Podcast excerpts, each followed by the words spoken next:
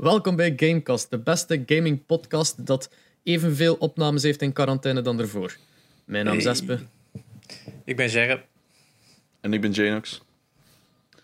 en zijn er nieuwsjes vandaag. Of deze week. Eh, Ik Ja. denk het wel. Ik had het doorgestuurd, nee? Je had er Eh, een paar doorgestuurd, inderdaad.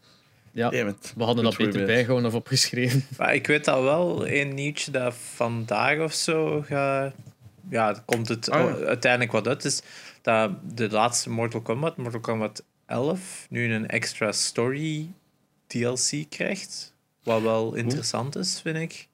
Ik heb nog niet gespeeld in 11, maar tijdens die laatste drie Mortal Kombats die zijn eigenlijk best wel goed qua story. Die, of de manier van story vertellen is echt heel cinematisch. En ik vind het wel cool dat ze daar nu ook wel wat terug op focussen van... Voor veel mensen is het zo van, ah ja, extra fighters zijn cool, maar extra story. Mhm. Ik vind dat wel vet dat ze dat doen voor een fighting game. Wordt dit nu een recurring topic of zo? Jarre zorgt ervoor dat Janox games koopt? Of... Oeh! Wacht, wacht. Yikes. Limited Edition Ghost of Tsushima? Nee, Nee, oh, fuck is dat you. al uit? Doet dat niet, hè. Wacht, zie je dit? Ah ja, s- eh, de Shippuden. Want de Ja. vorige keer over had, die een trilogy, dus ik heb die Ja. besteld, die stond 18 euro of zo. Oh, Ja, nice. is, hij ligt klaar, ligt klaar. Awesome. Ehm, nog een nieuwtje die ook net aangekondigd is. Ah, er was van de week al gerumored, maar vandaag is er wat meer. Ehm, is dat de nieuwe Tony Hawk dit jaar uitkomt. Tony Hawk Alcatraz. Oh. Ehm, ja, ik... Ja, houd, houd vast, hè.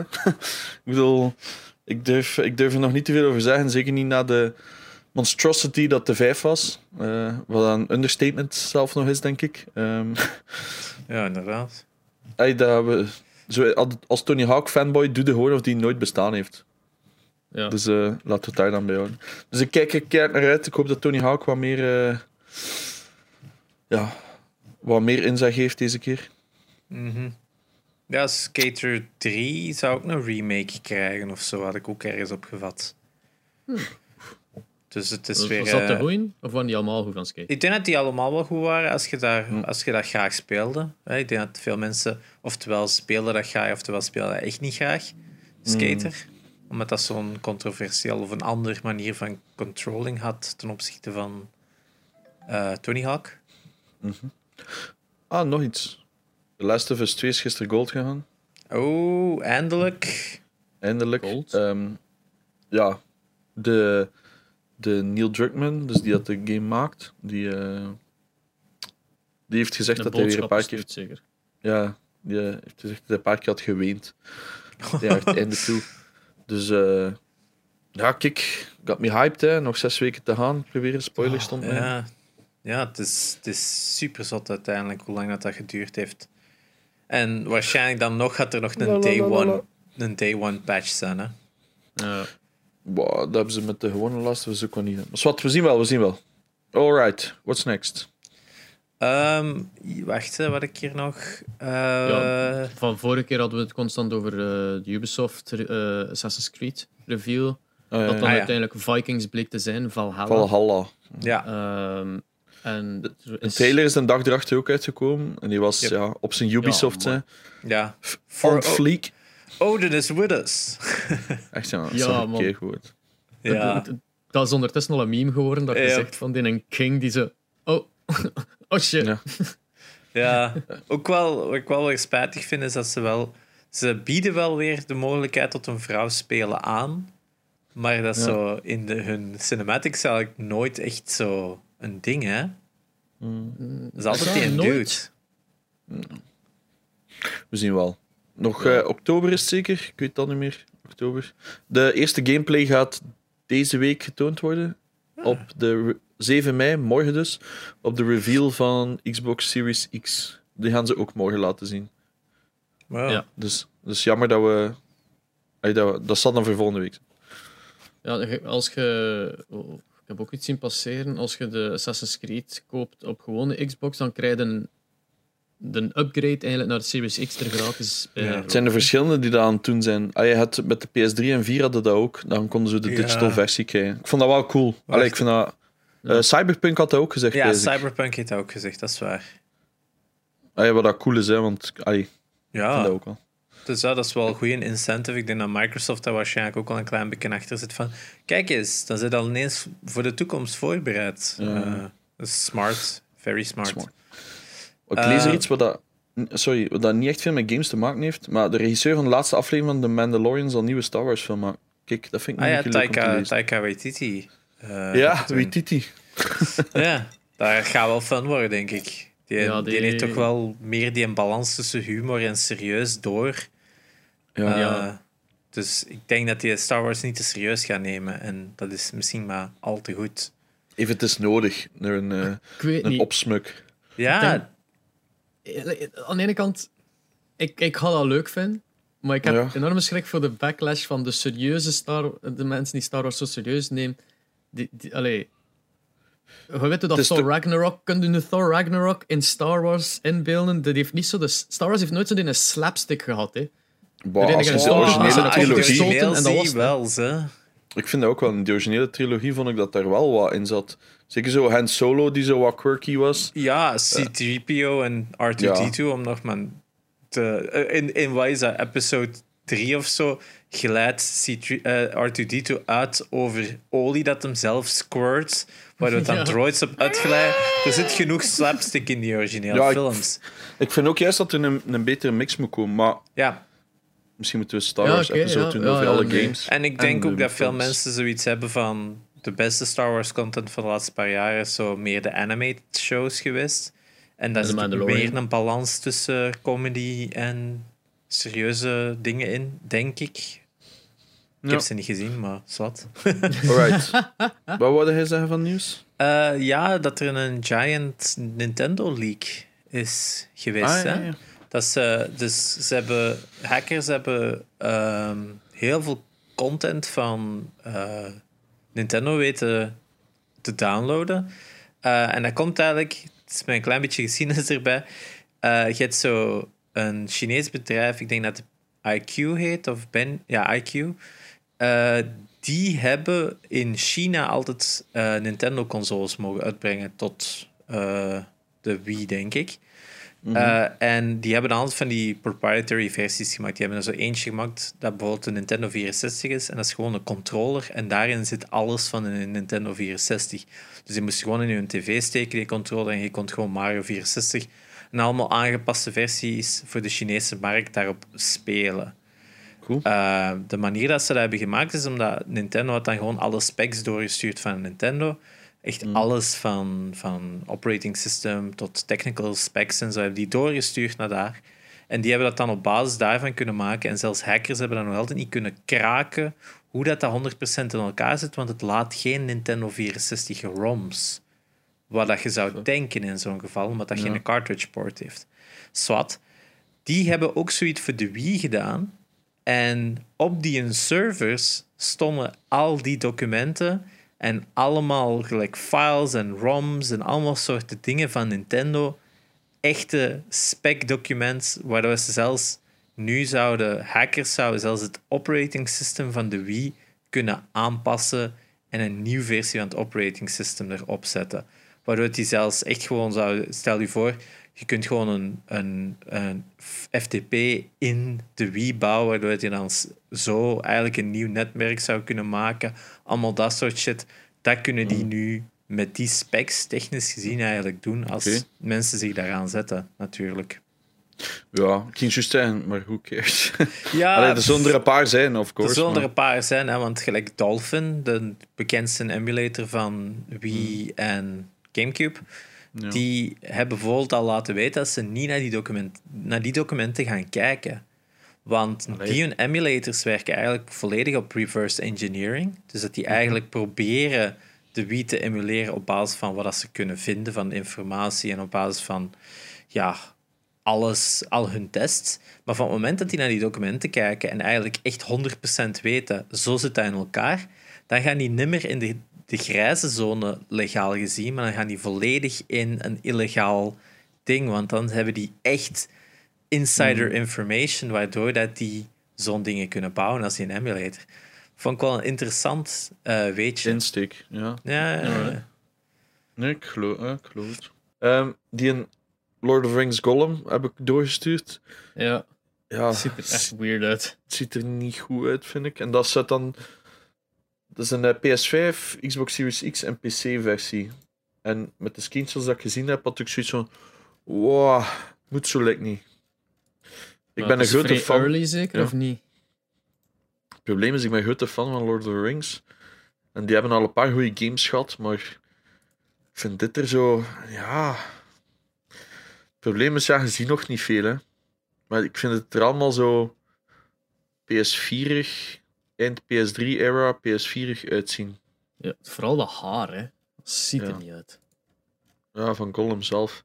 Ja, maar het is, het is geen adaptatie inderdaad van de films, hè. Dus ja, het is weer een adaptatie van het boek. Ehm, dus ja, iedereen heeft natuurlijk zijn, zijn... Dat is een beetje het probleem. Eén keer dat er films zijn, kijkt iedereen ernaar. Hè. Dat is hetzelfde met de mening van eh, die Marvels game. Ja. Was, dat ook, was daar ook veel rond te doen. Hè. Van, ah, ze lijken niet op die van de film. Ja, maar dat is ook niet de bedoeling. Dus wat. Ehm, ja. Is er nog nieuws? Share highlights? Eh, ik denk het niet, nee. Ik denk niet dat ik nog eh, nieuws had. Dan heb ik nog eh, een laatste. Ja, nieuws is het niet, maar ehm, mijn zus, Mhm. haar Switch is kapot. Eh, allee, die, die heeft twee kleine kinderen die ermee spelen van 6 en 8 jaar. Tuurlijk is die Switch kapot. Maar ehm ze had, eh, ze is ermee naar de herstelling geweest. Allee, ze heeft gevraagd om het te herstellen en het kan hersteld worden voor 220 euro. Wat dat de nieuwprijs is? Pretty much. Ah nee, ah, nee, nee, nee. is- De Switch Lite is... 290. is ja, nee, Allee, de wetende Lite dat ze... Ze heeft al een dock en Ja. de controllers. Ja. Dus, al, dus heeft ze zei zoiets van... Koop ik niet beter gewoon een nieuwe Switch in plaats van te laten herstellen? En ja, er is nog 70 euro prijsverschil dan. Maar Dan heb je wel je twee hebt dan wel weer extra. opnieuw de volledige garantie. Het extra controllers. De nieuwe Eh, dock. eh, ja, een- ja, je kunt een, eh, een Switch kopen zonder dock? nee, nee. dan is het een Switch Nee, Lite. en twee keer docks dan. Oh, ja. Ja, maar ik Ah, vind dat handig. Want ik heb bijvoorbeeld hier een dock, hè, mijn stream PC. En ik heb een dock aan de living. Dus ik kan die gewoon... Want ik had Ja. een dock gevonden voor 15 euro, lang verhaal. Ah, ja, Ehm, ja, je hebt dat verteld toen. Ja, dus ik vind dat handig. Maar ja, ik snap dat niet iedereen dat handig vindt. Maar in ieder geval, voor die twee controllers extra, die kosten al 70 euro. Dus ja. Snap je? Het is een beetje op. Of hoeveel is het? 60 of 70 euro is het toch voor twee Joy-Cons? Ja, Ja, 70 of zoiets. 80 inderdaad. Het is vrij Oh ja, veel. dus- hè. Dus volgens mij heb je eigenlijk je nieuwprijs al. Ja, inderdaad. En dan met die oude, dat kunnen we misschien nog wel aan iemand doorgeven dat dat gewoon kan zou open screwen en misschien dan er eens naar kijken. Want zo kapot gebeurd? lijkt mij dat nu ook niet. Hè? Is het water Ik weet- ik- damage? Of? Ik weet niet, ik weet het niet. Ze heeft het mij niet verteld. Ze is gewoon van, ja, de, de Switch is kapot. hè. Het kost 220 euro. En ik zei dan, ja, dat kussen we. Ja. Ik zou dat gewoon verkopen aan een, eh, een doe-het-zelver voor x aantal euro's. En dan gewoon de rest bijleggen met een nieuw. Ja. ik ben tegen consumptiemaatschappij, don't get me wrong. Allee, als een... Ik snap dat dat kak is, maar eh, Mhm. het probleem met technologie is, ja, wordt het ooit hetzelfde? Gaat het niet binnen de maand weer kapot zijn? Dat plus is je garantie sowieso al kwijt. Maar ondertussen, allee, het verhaal is al een klein beetje veranderd. Eh, die, die prijs was als ze haar bonneken niet terugvond. En ze heeft die ondertussen teruggevonden. Dus het is bijna garantie, denk ik nu. ja, ja. Eh, Hoe dus lang heeft het ze gaat hem... toch niks kosten.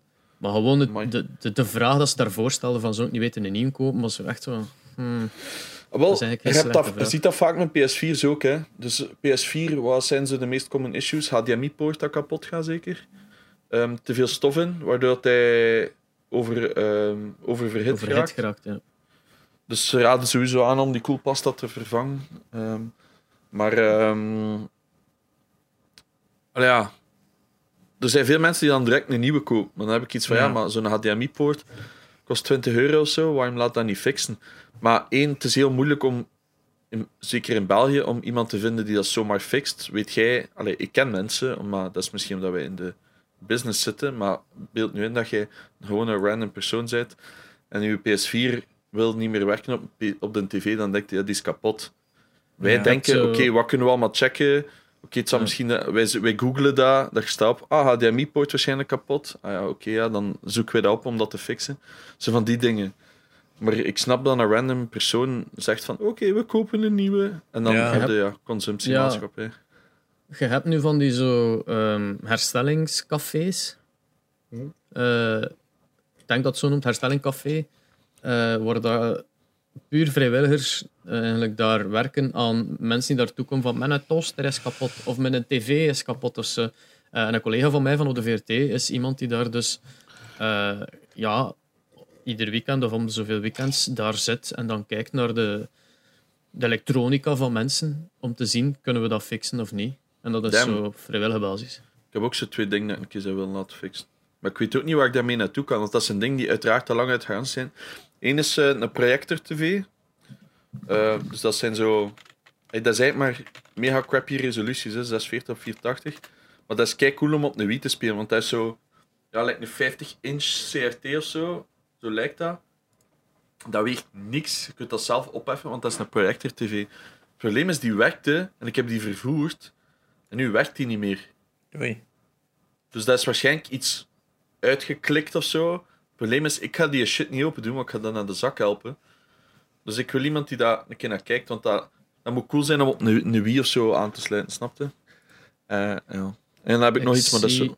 Ja, zeg maar. Eh, ik, ik zie dat er een repaircafé is, dus het noemt de Repaircafé. Het heeft een website, repaircafé.org. En er is ene in, eh, ik, ik zal zeggen, Zelen en omstreken. Er zijn Oef. zelfs meerdere. Ga er in Dendermonde. Eh, De Eremonde, de Eremonde stinkt ook. wat? Lokerenbaan 43, dat is bij u in uw buurt. Ja, lopen, De, ja. de, de polyvalente zaal Jan Praat. Dat is, daar, eh, dat is een repaircafé. Ah, ik wil daar gerust geld voor geven, hè, maar ik wil gewoon weten, is het Ah, ik, en het kan zijn dat dat ook betalend is, hè, maar ik weet al sinds Ah. de mensen die het, die het vermaken, dat dat vrijwilligersbasis is. Cool, oké. Ja, Cool. kijk, Allee, voor de mensen die dus inderdaad in hetzelfde bootje zitten, gelijk, eh, gelijk de, allee, omgekeerde bootje bedoel ik, van, van Janox, waar dat je niemand kent die zoiets kan. Een repaircafé is misschien een idee. Ja. Ja, het is hetzelfde met die, die vrouw waar ik alles van gekocht heb. Hè. Dat is waterschade, dat is vaak te fixen. Ehm super interessante kerel op YouTube, waar ik kei vaak naar kijk. Ik ben even zijn naam kwijt. maar die koopt dan zo 20 kapotte switches op YouTube en die fixt dat en zie of hij daar profit kan op maken. Maar die, Ah, ja, legt ja, zo, ja.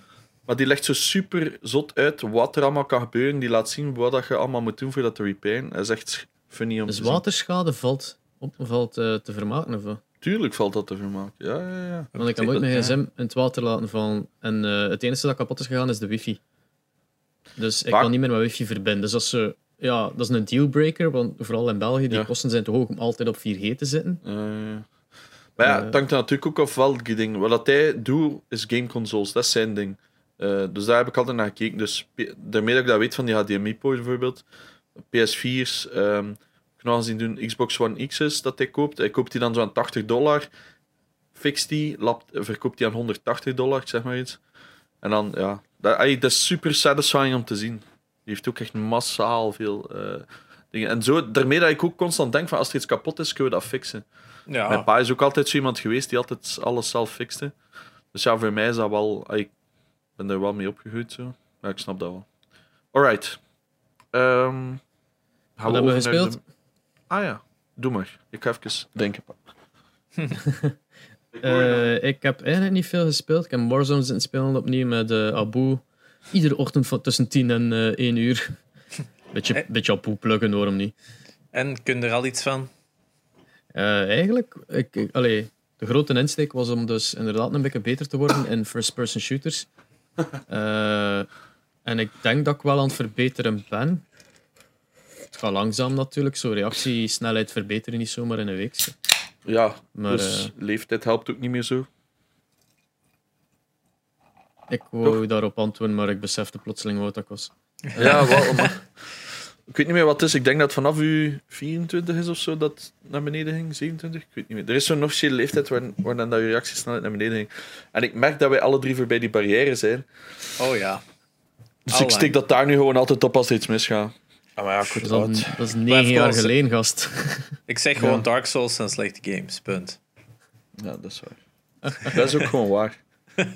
Het zijn allemaal kutspellen. Dus we gingen toch voor controversiële uitspraken, dus op is zich. Oh ja, inderdaad. inderdaad.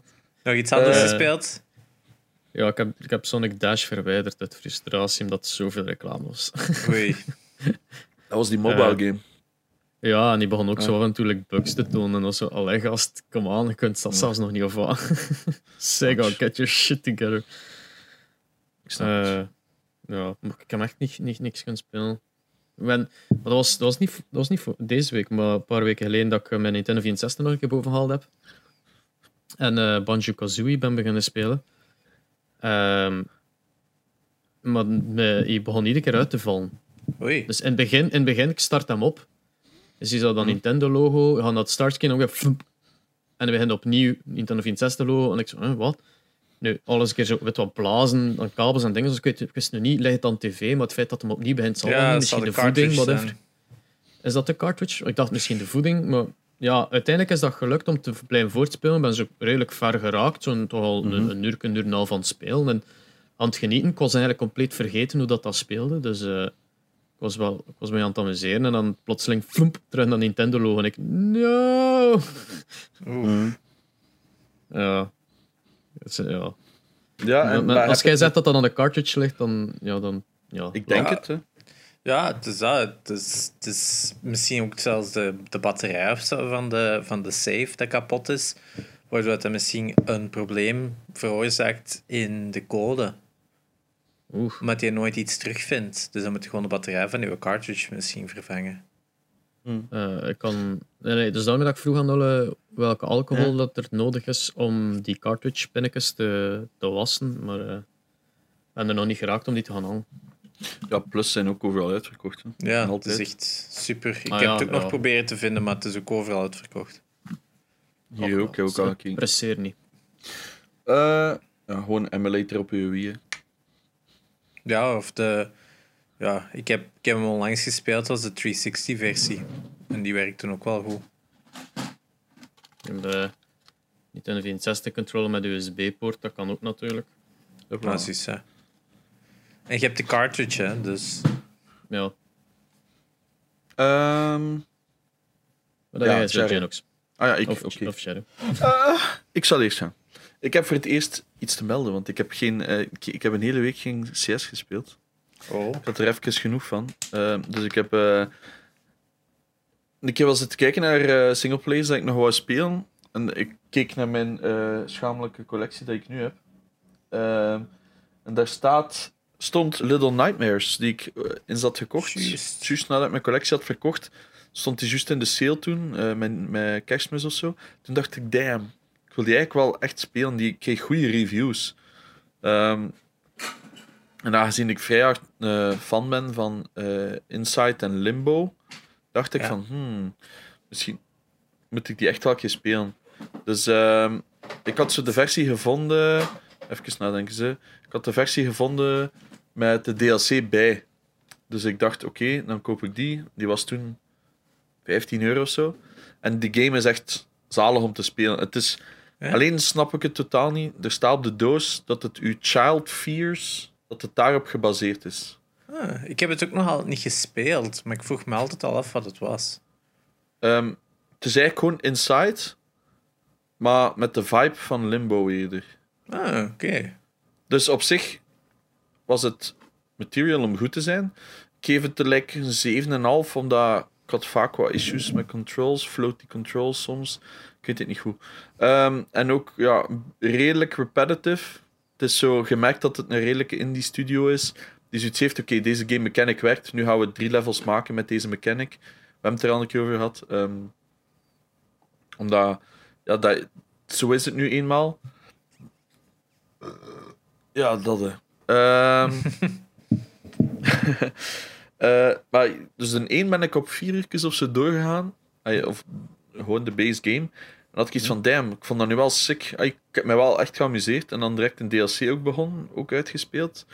En ik had zoiets van, ja, wel, dat vond ik nu een keer echt geld waard. Het is geen een eh, God of War cinematic game, maar het was gewoon weird.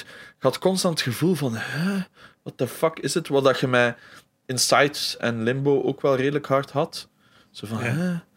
Er zijn genoeg secrets, dus voor, als je voor een platinum gaat of zo, er zijn zowel eh genoeg dingetjes dat je mee kunt amuseren. Ehm, de puzzels zijn niet super moeilijk, maar een beetje like Limbo, dat je zo af en toe toch twee keer moet nadenken van... Hè.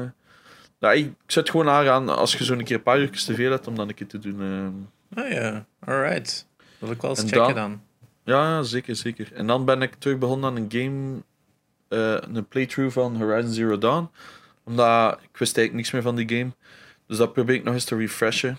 Eh, en blijft een goede game. Hè. Alleen ik vind, al wat ik al duizend keer heb gezegd, gezichtsanimatie sukt. Och, Ik heb totaal geen gevoel daardoor met die, met die, eh, die conversaties. Ik vind eh, voice acting soms slecht. ja. Ehm, dus sommige conversaties voel ik dat ik begin te skippen. En dat is nooit goed, want nu weet ik sommige dingen van het verhaal gewoon niet. Ja. ja, dat was bij mij ook hetzelfde. Ik vond meest van de dingen, ik er gewoon niet door, omdat ik het gewoon saai vond. Mm. En inderdaad, de manier van het vertellen was zo oudbollig, Ja. dat ik het gewoon, inderdaad, het, het, het gaf me geen drive om het te blijven spelen. ja, maar het is omdat ik weet dat de game echt wel nog sick wordt. En alle zo'n mini-boss battles. En dat wordt echt wel nog goed. Daarmee dat ik zoiets had van, ah, blijf dat spelen. Ik heb nu weer hetzelfde gevoel. Dus allee, het is niet dat het... Want soms heb je een ander gevoel bij een game als je het een andere keer speelt. Ja. Eh, omdat je gewoon een andere fase zit in je leven of zo. En nu had ik zo nog altijd hetzelfde gevoel van... Eh, ja, het is een goede game, maar... Het is, het is, ja, het is maar dat.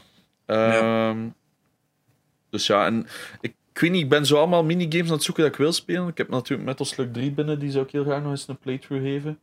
Ehm, die Naruto. Ik heb die ook al klaarstaan, even nu eh, op mijn desktop met Slug. Zalig. En dan natuurlijk die Naruto Trilogy. Maar ik weet niet of dat echt streamable is, dus het kan zijn dat ik die apart ga spelen. En dan heb ik Trials Rising heb ik opnieuw gekocht, eh, maar op de Switch, omdat daar zo'n een, een gold edition was met alles erbij. En ja, ik vind dat gewoon zalige games, omdat dat zijn games dat je 20 jaar geleden ook speelde, nu gewoon wat meer graphics hebben. ja. Alleen die, een, die Switch is zo lackluster van performance, dat Oh ja. Je ziet like, je modellen zo, soms zo wat schokken. Dan heb ik zoiets van, ja, het is geen Ja. smooth ervaring. Dus daar heb ik een beetje spijt dat ik hem op Switch heb gekocht. Maar ik wou gewoon like, op 2C, ook gewoon op mijn max met een motor rijden. Maar ja, het, zal, eh, het zal terug op, PS, op PS4 worden, vrees ik. Ik denk niet dat ik ik hem lang ga spelen op Switch. Ja. Ja, voilà. Dus ik heb voor deze keer een keer andere dingen gespeeld. Oeh, nice, Back nice. to Jerry. Eh, ik heb deze week wel wat gespeeld. Best wel. Ik heb gelijk altijd Monster Hunter World Iceborne. Eh zit ik nu volledig door het verhaal. En is nu postgame, postcredits. Dus wederom pff, prachtig. Het is echt supergoed. maar je Eh, zegt een verhaal, dat zijn toch zo boss battles? Ja, maar er zit echt wel een story in en je gaat echt Ah, wel van monster naar monster naar monster naar monster. Dus er is wel progression en zo. En eh, er is altijd zo wel een final boss dat wel heel groot is en echt wel een beetje anders is. En die van Iceborne was eigenlijk echt wel impressive. Want meestal valt die wat tegen omdat die een beetje het, eh, het, de, de formule wat doorbreken van anderen. Waardoor het gewoon meer eh, veel grotere monsters zijn die dat gewoon niet echt de kans geven om ja, de technieken te doen dat je normaal doet. Dus het was wel anders, maar het was wel cool gedaan en er zaten leuke mechanics in, waardoor het wel een iets beter was dan als ze in het verleden al hadden gedaan. Dus ja, Mhm. dat is gewoon fun. Daarnaast nog wat Final Fantasy remakes te spelen. Ja, super schoon spel. Eh, ben nog, maar ik denk nog maar altijd in het begin of zo, maar I'm enjoying it. Eh, en dan heb ik ook eh, Moving Out gespeeld. Ah, Die ja. was Oh, ja. uitgekomen. En die zat ineens al in de Xbox Game Pass. Dus gewoon gedownload en getest. Ja, fun spel. Eh, heel makkelijk, denk ik, om ruzie mee te maken. Eh, Ja, gelijk echt? Overcooked en allemaal van dat soort spellen Ja. is het echt wel Ja. in het begin. Eh, ja, de controls zijn anders dan dat je verwacht soms. In de zin Mm. van... je denkt heel hard soms van ja, ik ga met mijn karakter naar die positie draaien, maar als je allebei bijvoorbeeld een zetel vast hebt, hè, want in het spel moet je gewoon in, voor een moving company allemaal huizen gaan verhuizen, dus alle spul eruit halen en in, een- in een truck gooien. Eh, maar bijvoorbeeld als je soms met twee mensen een zetel vastzet en je duwt naar links of naar rechts, dan gaat je niet naar links of rechts bewegen, maar dan gaat je eigenlijk rond het middenpunt van die zetel bewegen. En dat is soms wel lastig om je kop rond te krijgen, zeker omdat je dan soms in de tegenovergestelde richting moet bewegen als je de achterste bent, om zo eigenlijk het geheel beter te doen draaien. Dus op zich is dat goed gedaan voor wat het moet zijn. Het enigste grote probleem, vind ik, is dat je... Je moet heel hard uitleggen tegen... Als je met iemand anders speelt, van ja, kijk eens, we moeten allebei in die richting bewegen. Ik denk dat ze soms makkelijker... Uh, het spel beter zou werken als ze gewoon laten zien in welke richting dat jij aan het lopen bent of aan het sturen bent. Dat je makkelijker kunt tonen van... Kijk eens, uh, we gaan in die richting gaan. Mm. Omdat het toch wel eigenlijk overcooked of, of zo dat soort spel is heel makkelijk van ik ga dat doen, jij gaat dat doen. Uh, En zo speelden we wel samen. Of oh, gooi het met dat eens of doe met dat eens. Maar je merkt bij, bij Moving Out dat je echt wel veel meer gecoördineerd moet spelen. En ik vind richtingen uitleggen is moeilijk. Je kunt dat zo doen met de 12 uur, 6 uur techniek, maar ik vind dat zo nodeloos veel gedoe voor iets dat met een simpele icon keihard gefixt zou zijn. Maar ja. dat terzijde, dat is echt gewoon een small grievance. Ik vind heel veel van de andere controls zitten echt goed in elkaar. Humor van het spel is kei leuk. De muziek is grappig. Op een gegeven moment ook zo, er zitten leuke easter eggs in. Op een gegeven moment zit er ook een appartement. Jerry's apartment aan toen. Dat is dan zo duidelijk het appartement van Seinfeld. Dat de reeks van Seinfeld. Vind ik wel een leuke kleine detail. En er zitten gewoon zo allemaal van die leuke dingetjes in. Uh, vrees wel, gelijk dat we dat Jane ook zegt er straks ook met, uh, melden van typisch indie game dat ze te snel hun mechanics willen uitbreiden, waardoor dat de early game al direct zo dingen toevoegt die ik niet leuk vond. Zo, er zitten zo ghosts in dat je kunnen grabben en dan worden ze gerespawned en dan heb ik zoiets van ja, nee, ze gaan daar te snel naartoe. De early game is puur op de mechanic van dingen verhuizen en in een truck gooien dat kunnen soms nog iets langer. Dat wilde nog iets langer spelen voor alle controls goed onder de knie te krijgen. Want ik merkte ook wel na een paar uur spelen opeens van oké, nu begin ik het beter te snappen. Of begonnen het allebei beter te snappen. Waardoor ik dan zie dat van ja, ik had liever in die early stukken gezeten. Mm. Uh, in plaats van dat ik met andere mechanics bezig moest zijn en me opeens heel erg moest spoeien.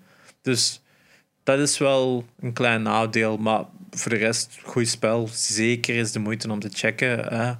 Xbox Game Pass. Op PC zit hem ook, wat is dat, 5 euro per maand of zo. En je hebt nog superveel andere spellen. Check hmm. het eens. Vind het leuk. Koop het. Uh, en daarnaast was ik ook nog op uh, gsm nu begonnen aan uh, Legends of Runeterra. Uh, dat is ah, die card game van League of Legends. Ik, ben, ik ken niks van League of Legends, ik heb er ook niks mee. Maar ik had die card game eens een paar maanden geleden in Londen kunnen testen. En ik vond die wel fun. Het is zo'n Hearthstone-clone.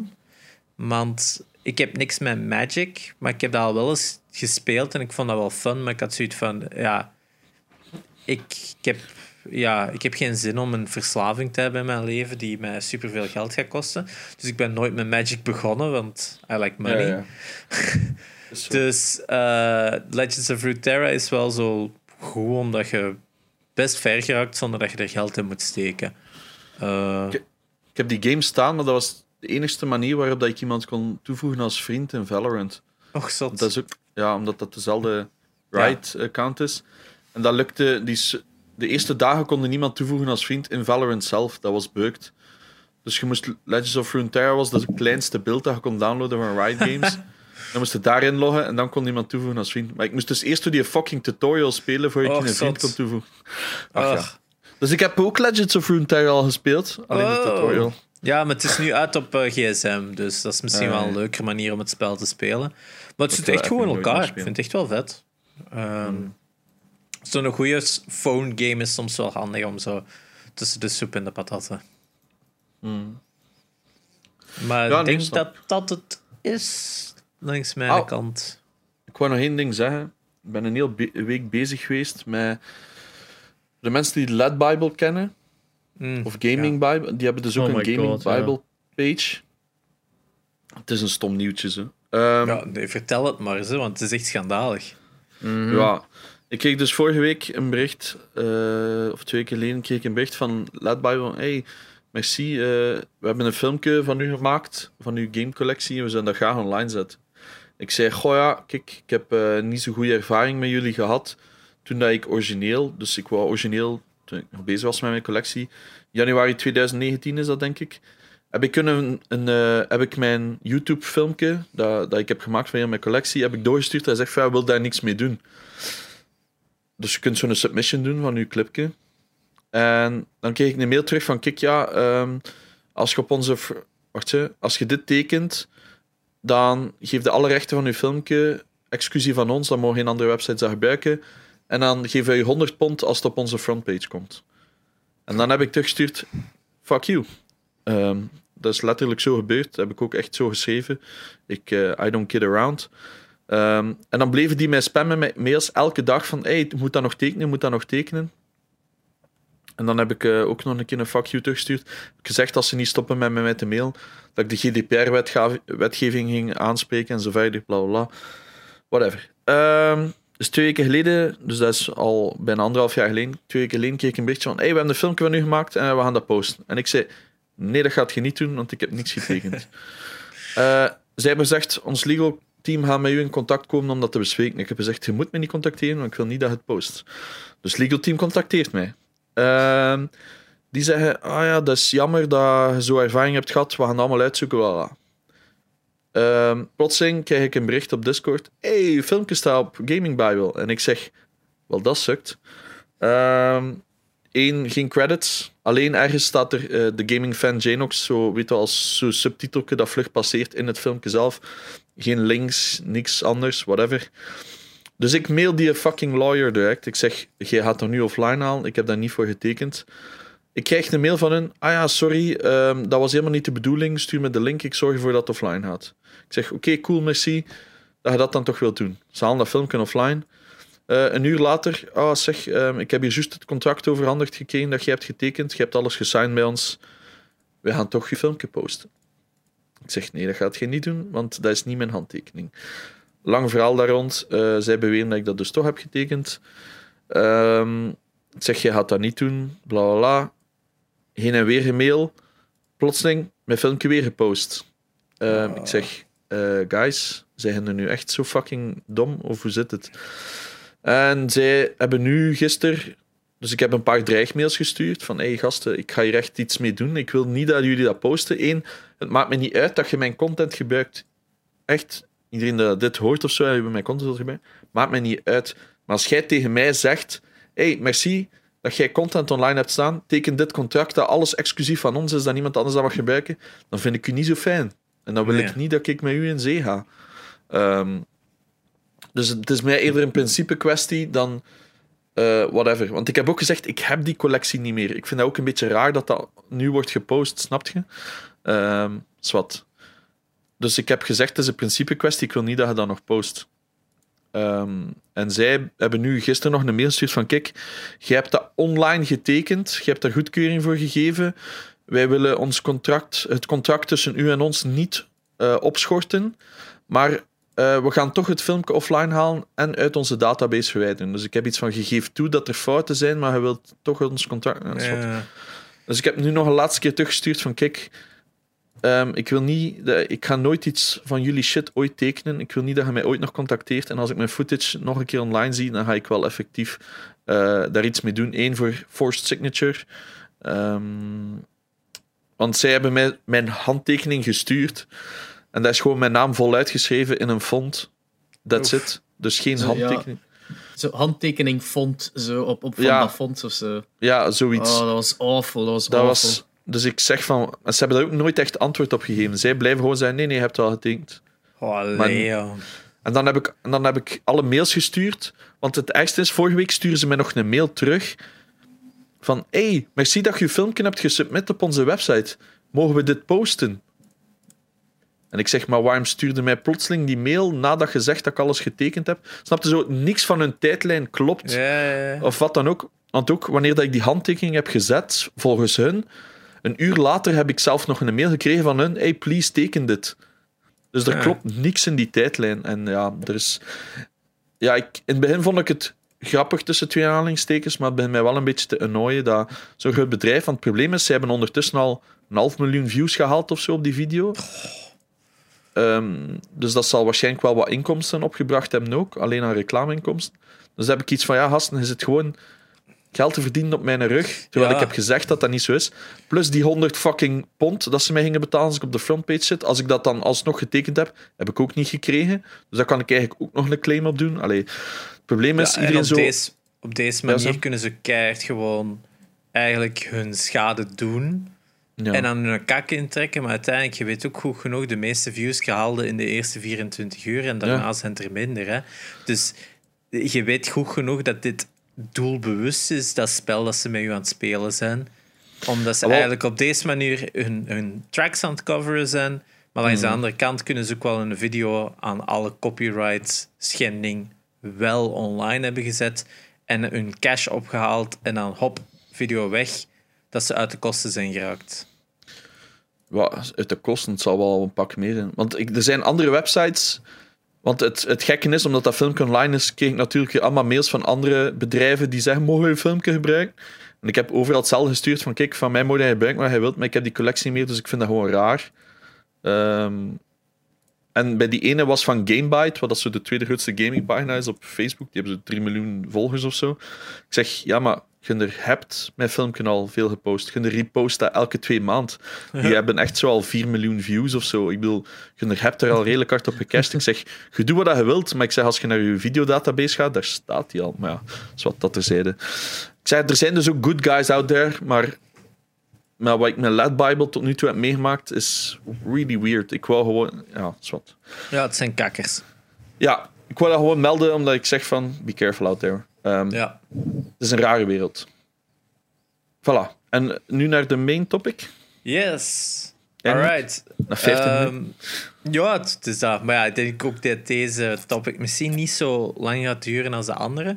Dus we waren deze week een beetje aan het zoeken naar een onderwerp. En een van de onderwerpen dat we eigenlijk al in ons lijsten hadden staan was controversial eh, game topics. Ik denk dat we er zelfs daar ene hadden bij staan. Maar ik weet niet meer welke dat, dat was. Want eigenlijk onze, want, want origineel van het idee om het onze eigen eh, controversiële statements van vorige podcasts ging bijhouden, om dan het daarover te hebben. Maar nu is er dus een tweet tevoorschijn gekomen. Ja, en in die tweet vroeg er iemand, eh, een Parker McKay, eh, ik ga even opzoeken wie dat is. Dat is een Rainbow Six commentator. Eh, En die vroeg van, what's your most controversial video game opinion?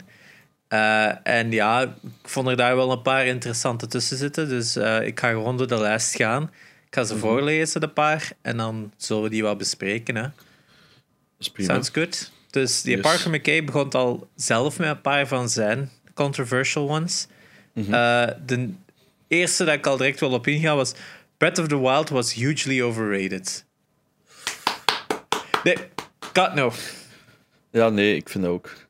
Hij Dus, zegt, eh, het, hij zegt zelf nog wel, ter verduidelijking daarbij, Breath of the Wild was awe-inspiring and ambitious, but I didn't like it as a Zelda game. I want a tight, well-paced game where exploration is fun, but to- not totally necessary. The and the dungeons in Breath of the Wild were a huge letdown, too, and item durability is one of my biggest pet peeves in gaming.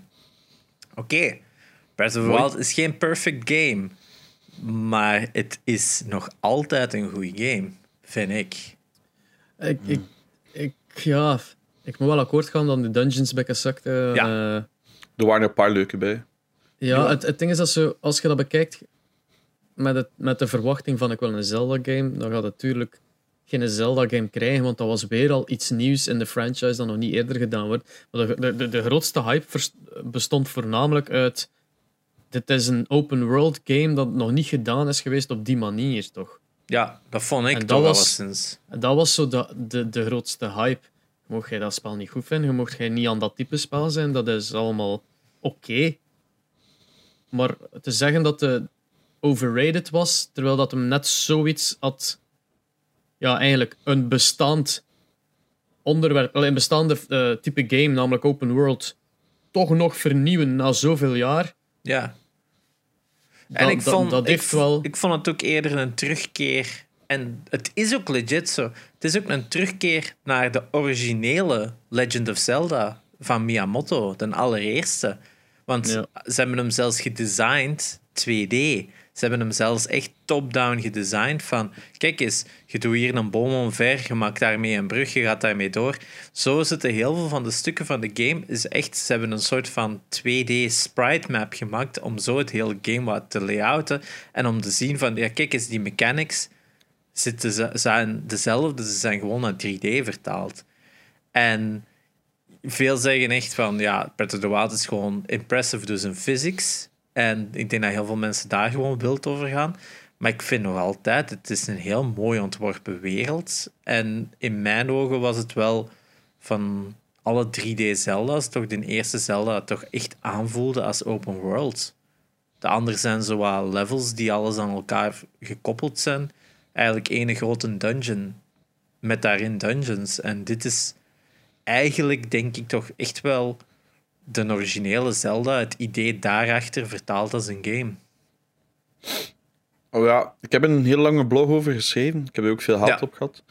Ehm, ik ben akkoord dat het nu. Ik heb, het, ik heb ook gezegd, dat op zich is het een goede game. Maar bijvoorbeeld item durability is inderdaad AIDS. Um, ja. Dat is ook een grote uh, letdown in The Last of Us, vind ik. Um, dat alles zo snel kapot gaat. Mhm. Het is niet omdat je een stok twee keer op iemand slaat en een stok kapot is.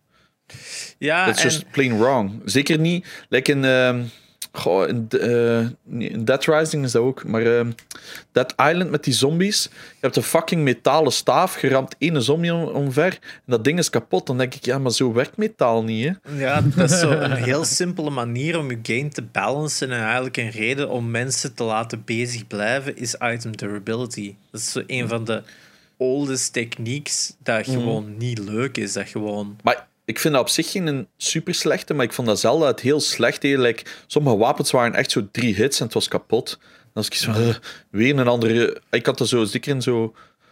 Oh, wat was dat nu weer? Zo die, die, die kleine dudes met de laserkus, zo in die mini-dungeons of whatever. Ja, ja, ja. Het is lang geleden dat ik het gespeeld heb, sorry als ik fout maak. Maar dan vond ik dat zo, ah ja, ik heb nu zes keer op dat ding gemapt, weer een andere gun en weer een andere. Ah, ik moest soms zo zes keer een andere gun equippen voor zo'n één mini-ding dat ik kies van. Ja, en het is ook wel dat. Ja, erbij. Bepaalde wapens, gelijk de bone weapons, dat de gewoon monsters gebruiken, die breken sneller dan metal weapons. En Guardian weapons, die je kon krijgen van die, met een laserogen, die werkten ook beter op Guardians, waardoor die met die wapens iets langer meegingen. Dus er zat wel een niet, niet geschreven ding in. Ik zal het zo zeggen. En waarschijnlijk dat er wel ergens een NPC in het spel dat uitlegt. Mm. Maar dat is veel van Zelda, toch zeker Breath of the Wild en is. Het is de eerste keer in lange tijd dat Nintendo nog eens iemand durft gooien in een wereld zonder bakken uitleg. Mm. En dat voelde voor mij voor de eerste keer nog eens als: wauw, dit is vers. Eh, elk andere Nintendo game de laatste tijd zegt gewoon handholding. Ga op die plek staan en duw op die knop. Wauw, je hebt op die knop geduwd. Goed gedaan. Yay. Het is eigenlijk gewoon Dora the Explorer. En um, Skyward Sword is daar echt waar door kapot gemaakt. Dat had een veel beter game geweest zonder de handholding. Maar de handholding verrekte het voor iedereen. En dat was voor mij de eerste keer Breath of the Wild was echt van wauw, ik kan dingen zelf ontdekken en it feels good. Maar er zijn ook NPC's, als je met iedereen gaat praten, leggen ze het ook wel uit. Het is zo een goede balans dat ze hebben gevonden. En daar moet ik ze eigenlijk echt nog wel eens voor zeggen van wauw, chapeau. Want dat was heel A-typisch Nintendo. Ja, bij mij was dat net zo. Allee, ik ben een beetje aan de andere kant van, van, van wat dat jij wilt. Dus ik vond het soms te open. Mhm. Maar ik heb al gezegd dat ik, ik ben meer fan van meer lineaire games. Dat stoorde mij bijvoorbeeld zoals Bliksemt, dat je geen metaal mocht aan hebben. had ik zoiets van, mijn gast, ja. ben een videospel aan het spelen. Ik wil hier toch niet mee bezig zijn. Ik, wil, ik heb gewoon cool armor aan. Oh nee, ik moet het equippen, want het weer verandert. What? Ja, ik snap dat, dat is cool, hè, als je dat bedenkt van, oh shit, ja, dat kunnen we doen daarvoor geef ik ze respect. Maar ik ben een videospel aan het spelen. Ik wil gewoon wat fucking rondjolen en mobs in elkaar kletsen. dat, dat hoeft niet voor mij. Ik had zo tegenovergestelde van. Er is zo een stuk in het spel, Eventide Island. Dat is een island waar dat je al je equipment weghaalt. En dan moeten met base, moet vanaf je onderbroek terug beginnen en monsters verslaan en dingen vinden. En dan, binden, dan krijg je daar een tempel. En op een gegeven moment in dat stuk komt er sowieso ook een bliksemstuk in. En ik heb daar toen monsters gestaan door gewoon mijn wapen vast te houden, wachten tot een bliksem in ging staan. Die heb ik dan weggegooid, waardoor het dan de bliksem op dat wapen insloeg, dat tussen al die vijanden was gevallen en zo raakte die allemaal geëlectrocuteerd. Dat is dan wel weer het coole aan die, aan die weather mechanic, is dat je hem ook echt wel kunt in uw voordeel draaien. Gemaakt. Welk? Ze hadden gewoon granaten moeten toevoegen als ik het zo hoor. Well, hebt bommen, hè, maar die doen kei weinig damage. Maar, ja, maar snap wat ik bedoel? is, ik, ik zeg het, ik vind het cool dat ze iets nieuws hebben gedaan. Maar er zat zodanig veel in die game. Voor mij was het op den duur gewoon, ik ga er gewoon doorgaan. Want ik herinner mij ook nog die eerste playthrough. Ik ben blijkbaar redelijk afgeweken of zo. En ik kwam plotseling bij allemaal enemies dat veel te hoog waren. Maar er is niks van indicatie waarom dat die allemaal zo hoog zijn. En ik vond ook dat de enemies te weinig verschilden. Ja, dat had, zo, had goblins, heb die in het eerste level, en in het laatste level hebben die ook, maar die hebben gewoon tien keer zoveel HP. Ja, dat is Allee, ze hebben soms wat meer armen. Ja, en je hebt uh, red, blue, black en white. Dat is dan de distinctie bij elke soort. Ik had zoiets van, allee, gasten, zo'n schone wereld, want het is een super mooi spel. Zeker op een Switch, chapeau. En op een Wii U, chapeau dat je dat kunt gerund krijgen. En, en, en nooit FPS te schatten, als ik me, als ik me goed herinner. Zelden, zelden, ja. Ah, wel, zo dat ik zoiets van, amai, het ziet er keihard uit, het speelt ook vlot. Hè. Ik vind het cool, zo die physics uh, met die ijsblokken en dat je zo op shit kunt rammen. Ben, maar ik ben er eigenlijk allemaal niet echt mee bezig geweest, zodat je zo iets keihard kunt wegrammen en er gaan opkruipen en zo. Want dan was ik al lang gestopt met dat spel tegen dat iedereen met de YouTube zo van die, oh, zie wat zotte shit dat ik gedaan heb, daar was ik er al lang mee klaar. Ik had gewoon iets van, geef mij hier een dumbed-down version van. Ik zou, zot, ik zou er zot van zijn. Het was gewoon te veel. Maar dat is misschien... Hmm. Ik, ik, heb nooit Zelda gespeeld ervoor, hè. Dus mijn expectancy is ook gewoon volledig anders uh, van, van die game. Er was gewoon... Het gaat een open world game zijn. De, de graphics zagen er redelijk goed uit. Ik ga het proberen. En dat is gewoon mijn mening. Ja. Ja, het, het, het, ik ga eigenlijk wel akkoord met het ding dat je zegt. Um, maar ik, het is zo'n beetje. De, de hype en de. Het is, de verschillen maken tussen hype en overrated natuurlijk. Hè. Ja. Uh, en de hype. Ik blijf erbij van. Ze hebben dingen gedaan die vernieuwend waren. Wat dan allee, wat dan altijd welkom is in de gamingwereld. En uh, ze hebben dingen gedaan dat verkeerd waren. De, de focus op de dingen die goed waren, was in, in, inderdaad enorm groot, waardoor veel mensen inderdaad de flaws niet, er niet over hadden. Zoals ja, de weather system, het, het feit dat je zo aan het klimmen waart en het begint met regenen en down you go. Zo van fuck. Exact, die dat met een blog ook, ja. Die, die durability is inderdaad kak. De, de, ja, de inderdaad, niet-indicatie kan een voor- en nadeel zijn. Dat is dan een beetje gewoon hoe dat je zelf er tegenaan kijkt. Maar mm. um, iets zeggen dat als ze dit willen blijven voortdoen, dat dat in het volgende spel allemaal veel dingen gaan gefixt gaan zijn. Ah, wel, ik, ik, er komt nu, wat is de 2 uit? Uh, shit, wat is de naam? Sorry. Uh, Zelda 2, er is geen naam voor. Ja, Breath of the Wild 2. Uh, the Legend of Zelda Breath of the Wild sequel staat er op Netgame. Ja. Je kunt hem al bestellen, ja. 60 euro. Um, want ja, nog altijd fucking 60 euro uiteraard. Um, ik ga hem een poging, ik ga hem een kans geven, omdat ik denk ook omdat Nintendo is dat ze redelijk veel shit gaan fixen. Maar ik heb schrik dat ze het nog een stap verder gaan zetten, dat ze nog meer onnodige shit gaan toevoegen dat ik niet leuk vind. dat betekent natuurlijk niet dat jullie dat niet mogen leuk vinden, als in iedereen. En als jij dat leuk vindt, so be my guest. Maar ik ga dat waarschijnlijk niet leuk vinden, dus ik, ik ben gewoon benieuwd. Um, maar zijn ja. dan niet meer voor de. Zou hij dan niet veel meer. U niet veel meer amuseren met de top-down Zelda's? Perhaps. Ik heb ene ooit geprobeerd. tot lineair, tussen aanhalingstekens. En vooral like, de Link Between Worlds. Dat blijft, denk ik, mijn favoriete Zelda al aller tijden. Uh, ja. Dat is 3DS, hè? Dat is een moeilijke keuze natuurlijk, welke Zelda beter is. Maar Link Between Worlds is die een 3DS Zelda dat mm. zo de sequel is op Link to the Past. Mm. Uh, waar dat je... Je hebt vrijheid, maar het is wel nog altijd een beetje lineair. Uh, allee, het is, het is gewoon fun. Het is gewoon een fun spel. Je loopt rond, you slash things. Hooray. Meer moet er niet aan. Ja, het ziet er heel Zelda- Zelda-ig uit. Hè. Ik weet niet, ik ben, ben nooit super fan geweest van. Ah, ik heb Ocarina of Time ook geprobeerd. Dat vond ik wel oké. maar ik heb die pas. Zijt hem voorzichtig. Ja, ik heb die op 3DS ge- gespeeld. Ik had zo die 25 jaar editie van een 3DS. Maar ik vind een DS en 3DS verschrikkelijke consoles om vast te hebben.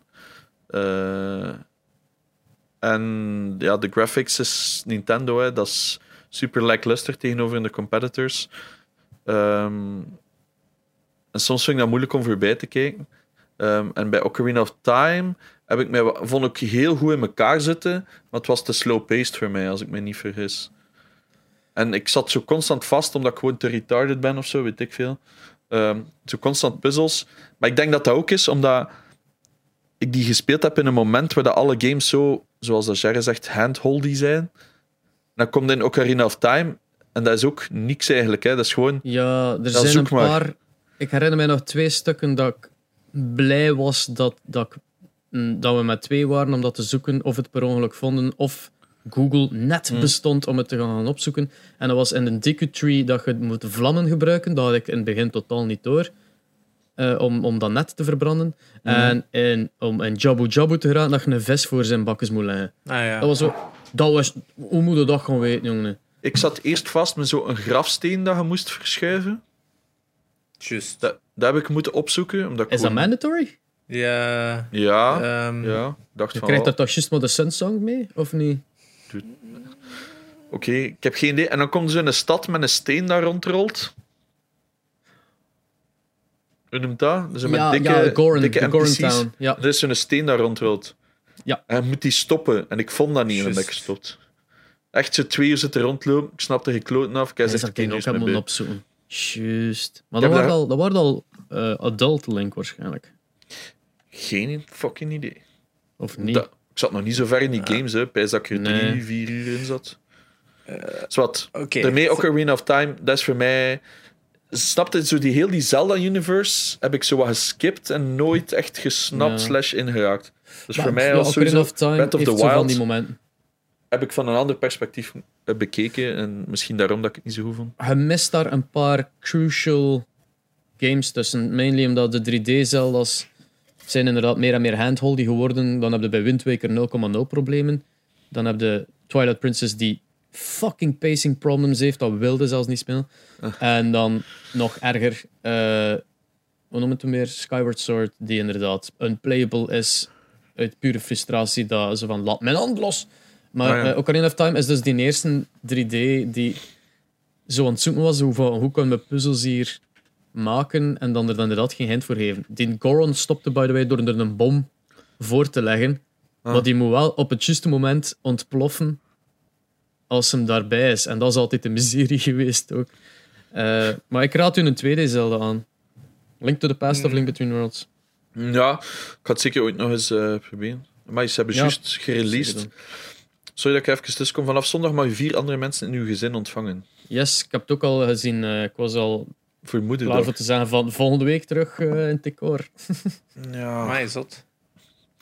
Maar ja, ze rekenen op burgers in. Ehm, ja, zwart. Oké. Denk dat we genoeg op, Dus- op Zelda. Ja. Het is, Ja. Dus ik, ik ben, ik, soms ben ik controversieel als in... Ik zeg het is slecht. Ik vind het geen slechte game. Maar ik ben volledig akkoord dat die overrated is. Want die Ja. kreeg... Op elke website kreeg die 100 op 100. En ik had dus van... Oeh, rustig man. Probeer dan nu een keer zonder nostalgische bril naar te kijken. Ja. En dan ziet je van... Oké, het is geen 100. Het is een, misschien een goede game. Maar het is geen 100. Maar Er zijn bijna geen game 100 games. En wel, voilà, maar het is dat wat ik bedoel. Dat stel, like, Ja. had vroeger van die leerkracht nu zijn, een 10 kan je niet krijgen, want dat bestaat niet. En wat dat geloof ik met een game ook, dat bestaat niet. Ja, wel, daarmee The Last ik of Us heeft ook allemaal Als flaws, dat- hè. Als dat criterium is om, om te zeggen van het was overrated, dan ga ik wel akkoord. Dan is het overrated. Het, het is... Ik, ik, ik heb altijd gezegd, het is een 6,5, dat is misschien wat te grof geweest. Maar een 7, 7,5 en meer vond ik zoiets van, oké, rustig, Hmm. rustig. Ik bedoel, er zijn nog open world games die 8,5. ook goed zijn. Zo zot was het nu ook niet. Maar als ik het zo nu, hoe lang is het nu geleden? Drie jaar, vier jaar? Drie jaar, Oh, ja. het? Ah, wel, nu kan ik wel al iets meer inzien. Oké, dat goede stukken, maar ik vind nog altijd dat mensen er te lyrisch over zijn. Maar kijk, genoeg daarover. voordat we een hele episode over Zelda Breath of the Wild... Uh. Um, een, een ander statement is... Uh, developers shouldn't listen to pros. Dus ze zouden niet naar de professionelen mogen luisteren, naar de pro-gamers. Maar ik denk dat dat vooral een ah. statement is dat uit de FPS-wereld komt, of, of uit de Dota-wereld of zo. Of allee, uit de e-sports-wereld. Ja, uit de e-sports natuurlijk. Ja, maar het is wel een goed statement in de zin van, ja, zijn games, sommige games misschien niet slechter geworden, omdat ze keihard cateren net enkel voor hun professional uh, players? Maar het is ook de, ik heb ook altijd gezegd dat zij wel degene die je game live houden, vaak. Dat zijn ja, degenen die ze streamen. Gaat het ook niet ten koste van je casual gamers dan? Ik weet dat bij Fortnite dat daar een heel groot uh, gedoe rond geweest is de eerste twee jaar. Omdat één hebt u casual kinderen die willen spelen. Die, dan heb je nog een keer de casual mensen die gewoon s'avonds na, hun na werk een paar matchjes willen spelen. Maar die komen dan elke week kwamen er nieuwe me, uh, mechanics in en nieuwe uh, guns. En had je pros die zeggen, ja, maar dat is overpowered of dat. Het probleem is, dat je hebt eigenlijk twee werelden gekregen in Fortnite. Je hebt de casual gamers en je hebt degene die echt voor de competitive gaan. En ik was eerder een casual. Ik heb het ook gespeeld, hoe boe fucking hoe.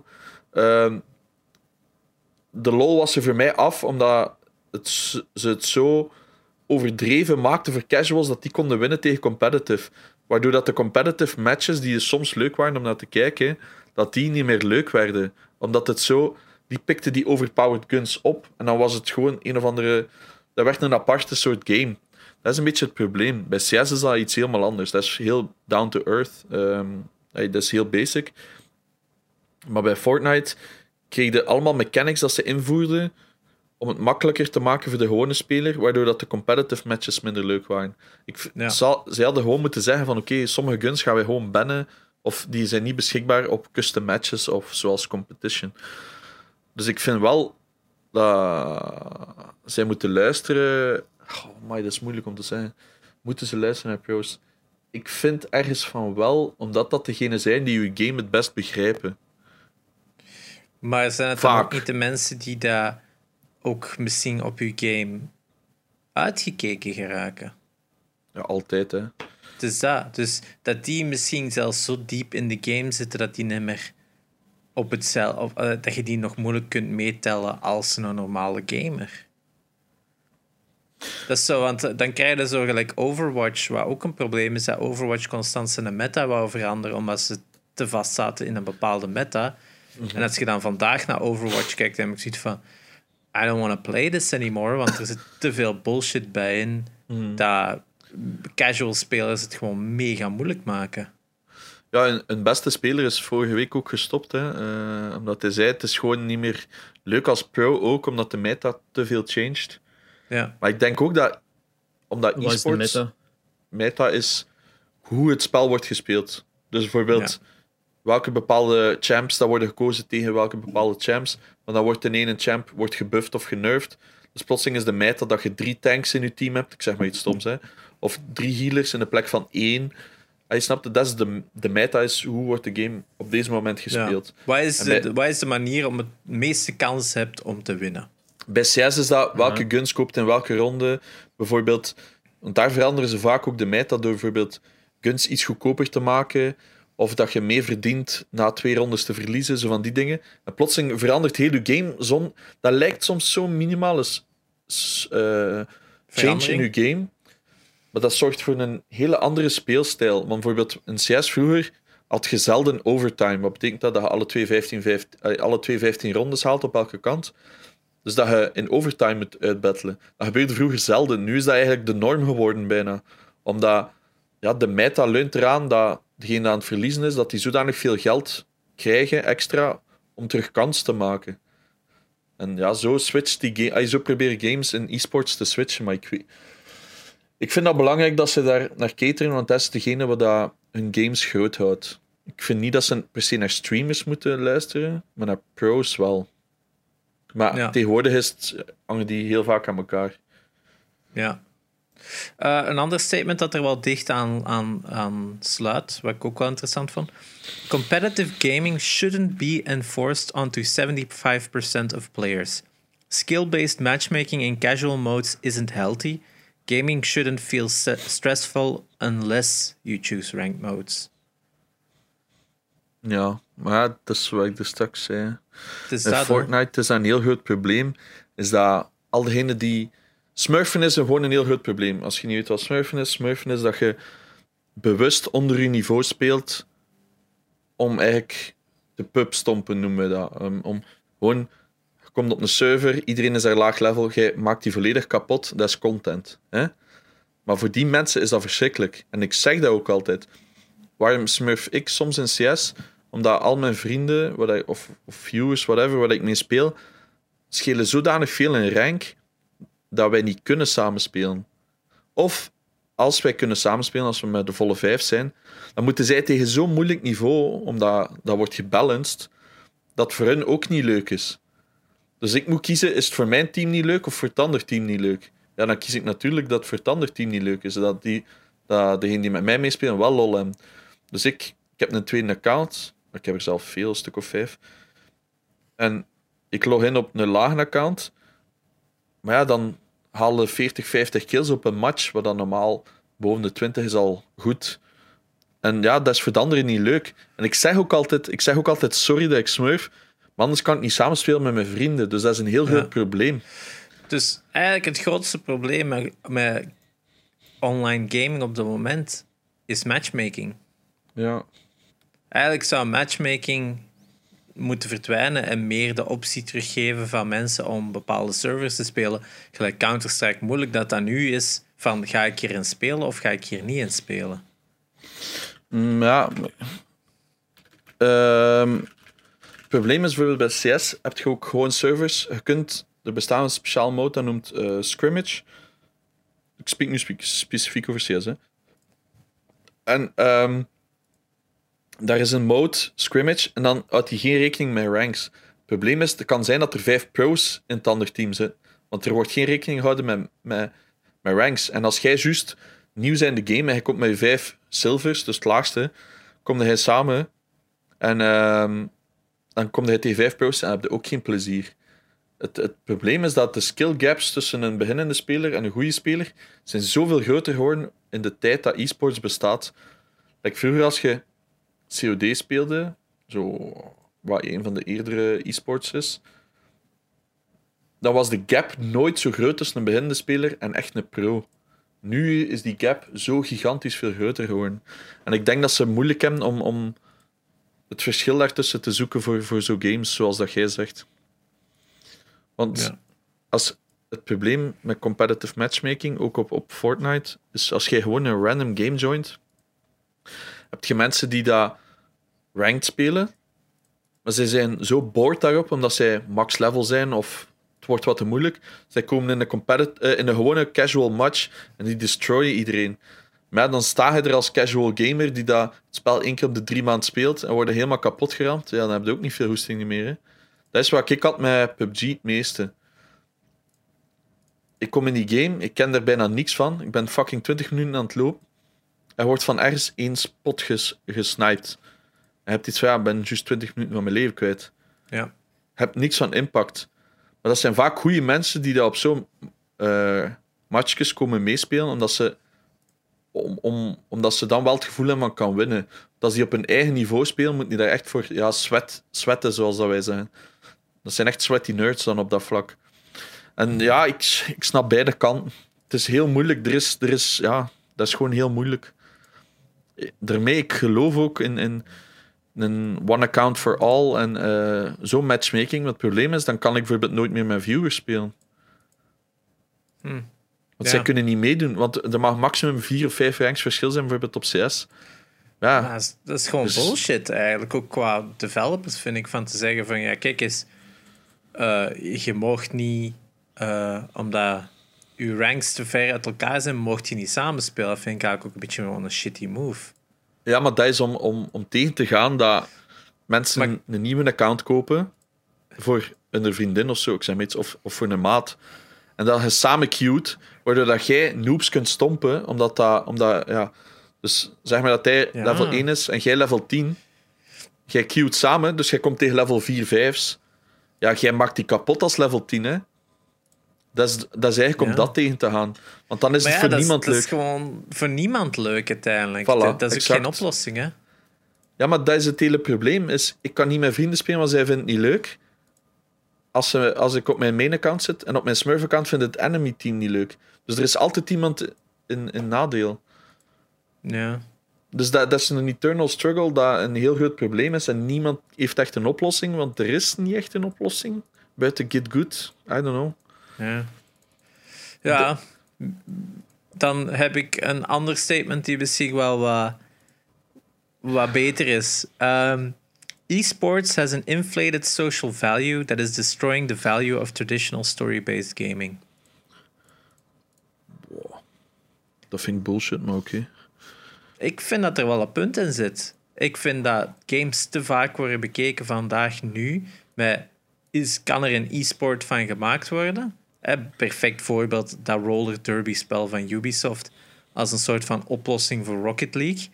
Waar daar niemand naar zat te vragen. Eh, ik denk dat er veel meer games nu worden ge- gemaakt voor de longevity. In plaats van voor het moment dat ze zelf zijn. Of toch dat was toch een paar jaar geleden, of toch zeker twee, drie jaar geleden, zeker de norm. Maar gelukkig hebben we een paar heel goede singleplayer games gehad in de laatste paar jaar die het tegendeel bewezen. Dat mensen eigenlijk keihard zitten te vragen naar singleplayer games, maar dat ze een beetje in de markt vergeten werden. Hebben we dat niet een paar afleveringen geleden? Ik herinner mij, ik denk dat we toen ook bij mij thuis opnamen.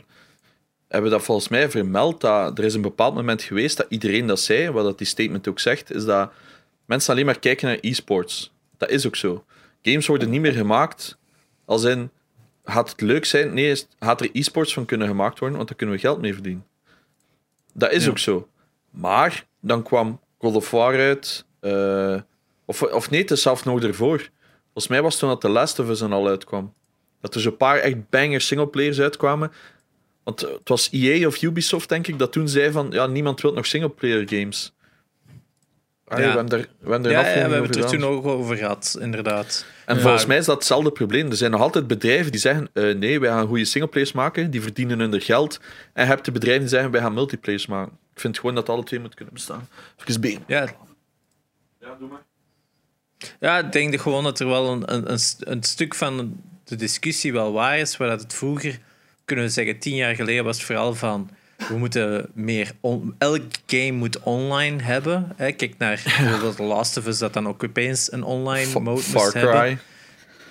En dan, nu is het dan veranderd in. Kan er een e-sports van gemaakt worden? Maar ik vind in beide gevallen dat het allebei een beetje iets is dat niet zou mogen een impact hebben op je game. Is wat is de speeltijd nadat je het hebt uitgespeeld? Eigenlijk, een goed voorbeeld is Spider-Man op PS4. Ja, dat was een story mode, je speelt je uit en je hebt het gehad. Dat is perfect. Ze hebben daar niet nog keiveel modes ingetakt, gelijk dat ze bij Batman Arkham hebben gedaan. Al die challenge maps, dat puur bestaan voor een achievement te halen, maar voor de rest dat je ziet het van, why would I play this? Ik vind dat dat veel meer een straightforward approach is, dat keigoed is voor games, in plaats van, ik moet uit dit spel 100 uur halen. Dat is hetzelfde wat ik heb met games die constant events hebben, waarin dat je dan die week een skin kunt halen. Dat is, Mm. ik wil dat spel spelen wanneer je dat wil spelen. Er moet geen enkel andere reden zijn. Ik denk ook dat dat de leeftijd is, Gerre. Welk? Ik denk ook dat dat de leeftijd een beetje is. Ja, maar ik denk het ook ergens niet, want dat was wat dat games origineel wat waren. En nu is dat geëvolueerd, ja. Maar eh, wordt iemand er echt beter van? Doordat er al tien events zijn in tien verschillende games, waardoor je zeker nog een uur Fortnite moet halen, spelen voor die skin te halen, om Maar dan kinderen na een vinden dat uur leuk, hè? League of Legends te gaan voor een andere skin, of om dan een uur voor dit of dat. Ja, maar Ja, snap je zijn Maar kinderen allemaal vinden zo- dat leuk. Snap je? Welk? Kinderen vinden dat echt leuk. Ja, maar dat is, dat is skinnerboxing, hè. Dat is gewoon... Wat Ah, is wel, het ja. verschil ten opzichte van een mobile game dat gewoon een uur moet wachten en uw, uw kasteel is gebouwd? wow. Dat is zo een constante niet voor terug te kunnen gaan. Is zo de volgende klok dat afloopt, je zet iets anders in het gang en dan ga je naar de volgende klok kijken. Zo doet het hetzelfde met al die modes. Van, je moet vijf matches spelen en je krijgt een skin. Volgende dag kunnen we weer vijf matches spelen, krijg je weer een skin. Dat is uiteindelijk... Speel het dan omdat je het leuk vindt, of speel het omwille van die skin? Wilde wij gewoon een soort van reward geven, of speelde eigenlijk omdat je het spel graag speelt? Dat is mijn voornamelijke kwestie ervan. Ja, maar ja, er zijn verschillende dingen. Maar ik denk dat wij ook alle drie al hebben gezegd, is van, we hebben gewoon wat nood aan lineaire games. Voor ons hoeft niet alles multiplayer te zijn sowieso. Ik denk voor u zeker niet, Jerry, omdat jij het minst multiplayer speelt van allemaal, buiten dan misschien Monster World. Mhm. Eh, Monster Hunter, sorry. Ehm, of ik weet niet hoe dat de game noemt eigenlijk, sorry. Eh, ik denk dat dat een groot verschil is tussen de generations. Ik denk Ja. als je een 15-jarige momenteel vraagt. Want ik heb daar ook al discussie over gehad op mijn stream. Is dat mensen zeggen: oh, maar waarom speel je singleplayer games als je online kunt spelen? Ik heb iets van: maar dat is leuk. Dat is ook leuk. En dan heb je mensen bijvoorbeeld die de nieuwe COD kopen, die nooit die singleplayer spelen, terwijl die eigenlijk best goed is, de laatste. En dan heb ik iets van, daar is, daar kuipt. Maar ik denk ook altijd aan, aan de developers, van, die hebben er zo lang aan... Zo elke beweging dat erin zit, je weet dat daar iemand aan heeft zitten craften. Of een omgeving die heeft daarover zitten nadenken. Niet alles natuurlijk, snap je? Maar dat is iets waar ik heel veel mee bezig ben. En ik wil dat dan ook gunnen. Ik koop dat daar ook voor, om één, voor te steunen, twee, omdat ik het wil spelen. En dan hebben ze van die boys, eh, de singleplayer, waarom zou je dat spelen als, je als het er multiplayer is? Dan heb ik zoiets van, ja, ik denk gewoon dat dan een, een gap is tussen in generations, omdat wij zijn opgegroeid misschien met singleplayers, I don't know. Ja, en zij zijn opgegroeid met free-to-play games. En dat zijn eigenlijk allemaal klassieke free-to-play tricks. Ja, oké, maar dat is echt Ja. wel de laatste generatie. Je hebt wel nog de vorige generatie die dat dan niet heeft meegemaakt. Hè. Zo de nu maar- early 20s, die, hebben daar niet, die zijn er niet mee opgegroeid. Maar je, merkt ook dat die toch nog vooral naar de multiplayer nee. Dus ja, ik- ik, ik- heb het meer over zo die event strats. Ja. Zo die, dat zijn zo van die typische free-to-play mechanics. Dat gewoon, ja, ja, ik vind dat niet anders dan free-to-play games à la Clash of Clans en allemaal van dat soort dingen. Dat gewoon, Ja, blijf ik niet ook ver van weg. ja, Maar ik, ik vind wel dat een game mag, mag bouwen naar een e-sport scene. Als die andere bedrijven niet stoppen met een singleplayers te bouwen, om dan te transformeren naar e-sports. Ik vind gewoon dat de twee moeten kunnen bestaan. Maar ik, Mhm. En dan heb je bedrijven zoals dat jij nu zegt van die roller derby en zo. En heb ik ook iets van ja, dat is jammer, want als je. Ik heb niks tegen die game, hè. ik heb het zelf nog niet eens gezien allee, of gespeeld. Maar ik heb iets van ja, als je nu gewoon een goede singleplayer bouwt, ga daar waarschijnlijk ook veel geld mee verdienen. mhm. Waarom wil je per se ook op die markt zitten? Als ja, er een goed idee komt. overgesatureerd is ook eigenlijk. Ja, hè. voilà. Ik zeg, als er een goed idee is, go ahead. Maar probeer het jezelf forceren op de markt, is niet echt the way to go. Nee.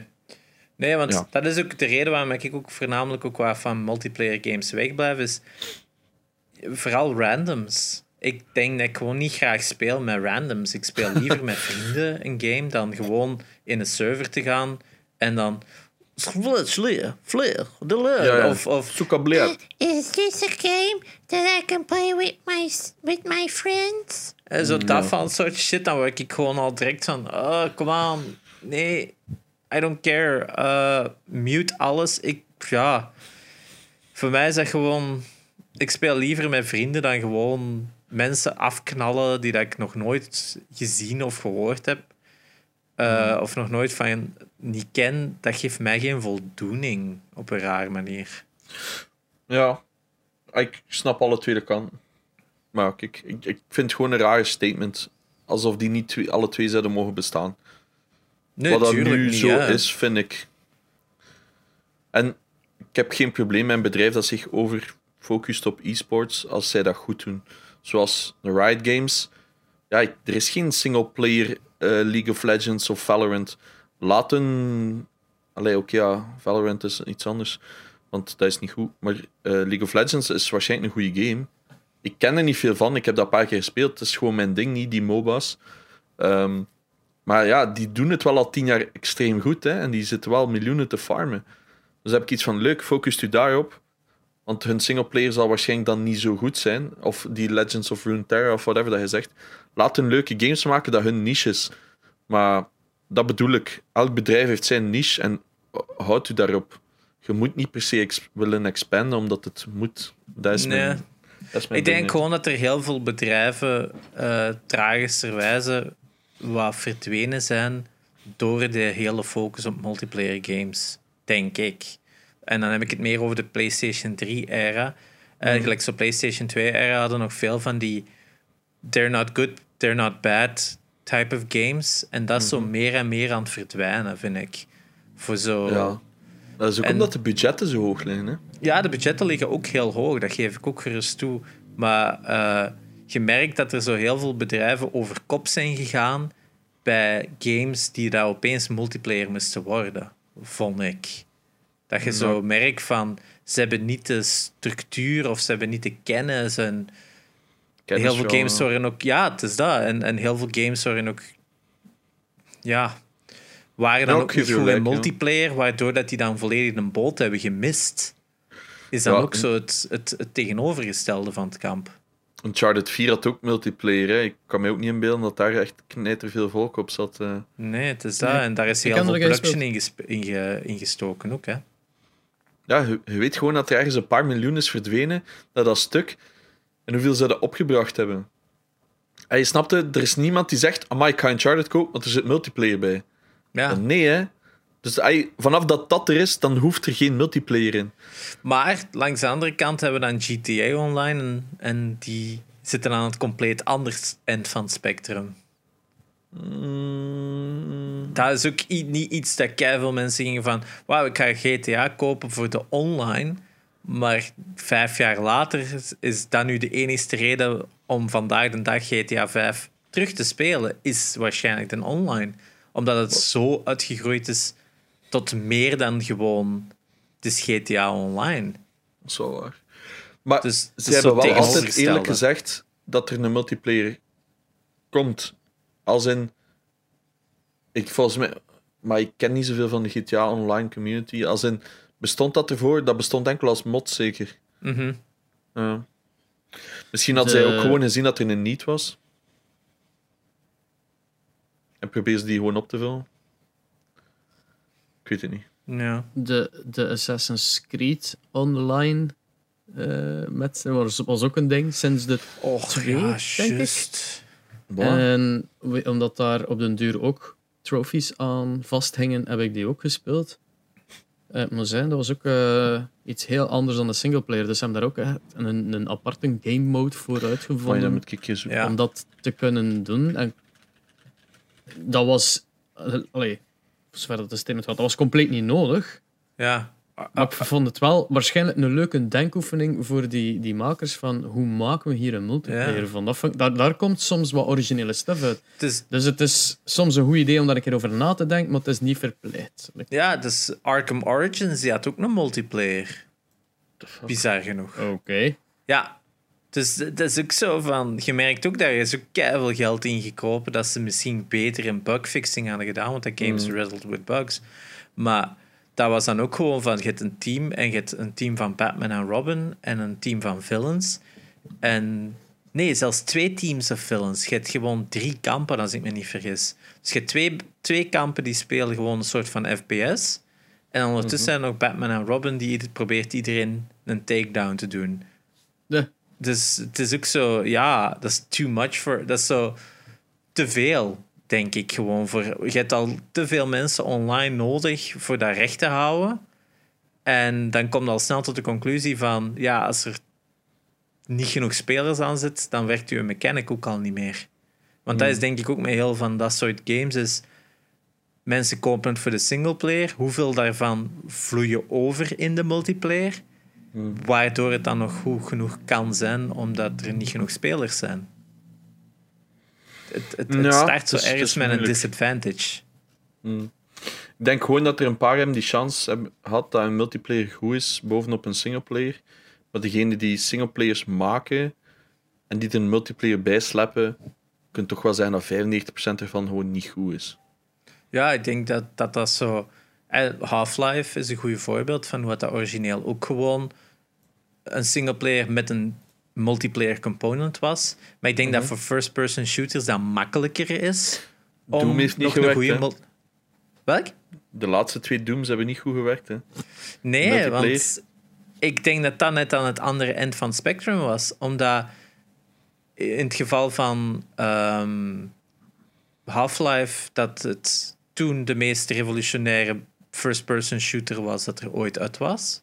Dat daardoor zijn multiplayer ook goed werkte was, omdat het anders speelde dan Doom en Quake.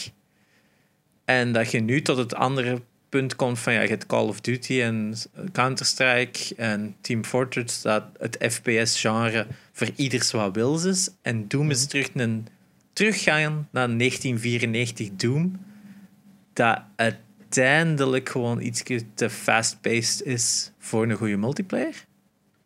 Ja, nee, ze hebben ook zo wat dingen geprobeerd en it just didn't really work. Ik vind ook dat een engine zich daar niet meer echt op voorziet. Zo, maar ik vind het ook jammer dat UT bijvoorbeeld geen, geen, geen vaste waarde meer is in het FPS-genre. Want ik speel heel Ja. graag UT. En maar die laatste versie was wel oké om te spelen. Ik heb veel plezier gehad op Instagip. Maar je merkt dat dat gewoon niet meer gewaardeerd wordt door de nieuwe generaties, denk ik. Ja, is dat misschien ook niet het gevaar bij de volgende Halo? We'll see. Ik heb het nooit gehad voor Halo, dus... Eh, ja, want lang- uiteindelijk Halo was ook lange tijd ook zo de, niet weg te denken hè, vanuit een, een online multiplayer gegeven, toch zeker op Xbox 360. Ja, En daar hoort nu dus. precies ook heel weinig van nog. Hè? Ja, er is niet echt, denk ik, nog een championship rond Halo. Maar ja, het is ook al lang geleden dat er echt nog een goede was, zeker. Ja, ik weet het niet. Ik, heb, ik ben ook niet zo up-to-date met Halo, maar veel mensen... Ik kom hier toch ook al een paar keer tussen die statements terug dat Halo 5 de beste online had van ze allemaal. Is er al een Halo 5? Er is al een Halo Ging ze- 6, wil ik zeggen zelfs. Nee, Halo 6 komt nu uit, hè. Of ja, ja, ja het is dat. Maar ik ging, juist, ik ging echt, terwijl dat hij dat zei, was ik aan het denken, heb ik niet straks Halo 6 gezegd en is het nog maar Halo 5. Maar blijkbaar is het ook al een Halo 5. Ja, Wist ik zeker. 5. Goed opgezocht? Nee, ik heb geen idee. Ja. Anders eentje. voor een nieuw statement. ja. Ja. Pokémon has to stop being turn-based. De, Hebben we het daar niet al over gehad? Zit dat niet in de vorige of twee het- afleveringen? ik ben het al een paar keer over Pokémon gehad, maar het, het stop being turn-based is wel een leuke denkoefening, denk ik. Want je kunt daar waarschijnlijk wel een hele coole game uithalen, maar als, je gaat daarmee gigantische fanbase kwaad maken, denk ik. Dat is dan Eh. een ander statement die ik ook tegenkwam. Hm. Pokémon moet niet luisteren naar zijn fanbase, maar Pokémon moet een game blijven voor kids. Is, is dat niet nog altijd... Ik denk dat dat het probleem is met Pokémon, is dat ze keiveel mensen erover zagen, terwijl ze eigenlijk niet het doelpubliek zijn. doelpubliek zijn. Maar ja. vergeet niet, je doelpubliek kan meegroeien. Hè? Zoals... Ja, maar dat Ja. is het probleem. Is, je doelpubliek kan meegroeien, maar voor Nintendo is dat niet een nieuw doelpubliek. Hun doelpubliek blijft hetzelfde. Ja, maar dat is, dat is ook een struggle dat al- altijd heeft bestaan met series en zo ook. Hè. Is, het doelpubliek groeit mee, moeten we de content dan ook mee laten groeien? Of doen we beide? Of blijven we gewoon bij het origineel? Ik denk dat elke serie, of like Harry Potter eh, van boek 1 tot 7, is ook een heel groot verschil. Hè? Maar er zit ook 10 jaar tussen of whatever. Hè? Mhm. Dus dat is heel moeilijk. En, en je merkt dat nu ook met die nieuwe Harry Potter stuff. Is het meeste publiek dat er zit, zijn die oldschools. Die dat Ja. nu geld hebben om daar geld tegenaan te smijten. Dus heb ik zoiets met Pokémon. Als die nu een full-blown 3D-game maken, zal dat waarschijnlijk voor beide doelgroepen goed verkopen. Eh, ik weet het niet goed. Ik vind dat, Dat is, vraag. dat is denk ik het probleem van Nintendo wil heel hard Pokémon houden voor kinderen. Mhm. Dat is waar dat de meeste, denk ik, nog altijd zitten van... We hebben een anime, die anime is gegeared naar kids. Dus als Mhm. we daar games aan kunnen verkopen, als we daar merchandising aan kunnen verkopen, werkt dat. probleem is... Of ja, probleem. Denk gewoon een groot bijgevolg bij Pokémon is dat de fans gewoon gro- meegegroeid zijn en het niet los hebben gelaten. Maar nu zijn het dan dertigers, whatever, twintigers, die het dan zagen van ja, maar niet de hele deck zit in mijn game. Dus bleu, ik ga het niet kopen. Maar dat is zo, ja, je bent niet je prime audience. En het is heel moeilijk om voor beide audiences te kunnen cateren. Ja. Het- ik, ik denk dat die, die twee meningen goed bij elkaar passen. Als in, ze moeten inderdaad... eh, allee, het is en blijft een kids game. Oftewel, evolueer er mee en laat hem eventueel misschien het turn-based weg. Ja, maar ik... Oftewel, blijf er voor kids en maak 30 keer nog altijd hetzelfde gelijk dan ze bezig zijn. Maar Het is, ja, ik vind, vind ik vind dat Game Freak met hun game. Ik vind de grootste, het grootste probleem waar ik week blijf van Pokémon games zijn omdat ze in 20 jaar niet geëvolueerd zijn. Ze hebben meer bells en whistles gekregen, maar de onderliggende constructie is hetzelfde. Het is een beetje hetzelfde met RPG's een Animal Crossing, doet het exact hetzelfde. Maar is dat, dat is zo een, twee kampen. Hè. Wilde dat je games evolueren, meegaan met een tijd? Ik denk in het geval van Pokémon is dat misschien goed dat ze dat niet hebben gedaan als ze blijven hun core audience voor kinderen houden. I agree. En dan is dat ook waar we dat moeten bekijken als een game voor kids. Maar aan de andere kant kun je dan kijken naar bijvoorbeeld een Tetris. Tetris 99 heeft het, game, heeft het fucking het simpelste game ooit van de jaren 80 gewoon met een heel simpele mechanic aangepast. En is wel beter geworden door het aan te passen. Dus maar ja, bij... Ah nee, ik ben akkoord, maar bij... over Pokémon dan heb ik zoiets van, ja, maar gasten, de... de fans zijn nu toch niet meer zo content dat het blijft altijd gewoon identiek hetzelfde zijn. Ik denk dat de meesten toch wel aan het het blijft gaan zijn. om- verkopen. Ja, Ja, de fans, de fans nee, maar dat zijn die mensen die net ouder worden en het- ook hun doelpubliek niet meer zijn. Het grootste probleem dat ik hoor van mensen met Pokémon die het nog altijd spelen als dertiger of, of eind Hmm. jaren 20, eind twintiger jaren, sorry. eh, dat is meestal van, oh ja, het is, het is wat saai in het begin, of het is weer al hetzelfde, of het is, het is de handholding. Dus, het is wel, dus je wilt zeggen dat het naar een nieuwe generatie is gericht. En als ze, ja, Ja, aan de ene kant, je kunt die dat moeilijk kwalijk nemen, want één, dat werkt iedere keer. Plus, er is... Hoeveel jaar zit er iedere keer tussen een nieuwe Pokémon-game? Ze kunnen iedere keer heel mooi een nieuwe generatie aanspreken, of nieuwe mensen aanspreken, die oftewel nog juist met het vorige spel gespeeld hebben, of misschien het vorige nog juist geskipt hebben, of wel nieuw zijn. Waarom kunnen ze het dan wel met Breath of the Wild? Waarom doen ze dan, daar dan wel een gok van, oké, we gaan iets zot doen? ja Omdat dat Breath of the Wild is- sowieso... Allee, Zelda is sowieso nooit gericht naar kinderen geweest. Pokémon wel. Ja, dat, ik heb, dat is de reden waarom dat ik het ook momenteel niet meer speel. Ik vind het te veel hetzelfde als wat ik op mijn Game Boy speelde. Ik heb gewoon niet echt veel meer interesse meer. Het is ook niet dat ik de anime volg. Ik ken enkel de originele 150 Pokémon. Ik ben echt diehard van geweest. Maar daarna was het mij... hè, ook omdat ik juist in die fase zat van... Oké, ja, alleen gewoon ouder worden, carrière en zo stuff. Dus ik had het niet meer zo ervoor. Maar van die turn-based wil ik wel nog eens op terugkomen. Ik ook iets van, ja... eh, kinderen interesseert die dat echt nog? Dus je zegt dat ze nog altijd doelen op kinderen. Hoe komt dat dat er nog altijd in zit? Want bij Final Fantasy, de remake, hebben ze er wel uitgehaald. Of je kunt kiezen, als ik me niet Ja, vergis. het- je kunt kiezen in Final Fantasy Remake kun je kiezen voor een active system of nog altijd een meer traditioneel weight system. Wat ik wil terugzeggen is, ik denk turn-based maakt het gewoon voor veel mensen de mechanics simpel. Ik kijk naar heel veel van die mobile games dat ook eigenlijk turn-based champion fights zijn, hè, zo gelijk Marvel Strike Force, denk ik, en ehm wat is er nog? Zo, je hebt heel veel van dat soort zo games dat uiteindelijk gewoon een team van vier tegen een team van vier is en je geeft gewoon inputs in en die vechten tegen elkaar. Whatever. Eh, ik denk Summoner Wars of zo is ook zoiets. Ik denk dat dat gewoon een mechanic is dat heel simpel is en heel veel mensen snappen dat snel. Eh, en dat een beetje diep kan, hebben zonder veel moeite. Je moet kinderen ook niet onderschatten. Hè. Die zijn er wel snel mee Nee, weg. Hè. nee, nee, nee. Maar hoe gaat het bij Pokémon ehm de mechanic kunnen overbrengen als Pokémon trainer zonder eigenlijk gewoon in heel veel menus en automated systems te zitten? Om toch nog die controle te hebben van ik heb hier een monster en ik laat die vechten.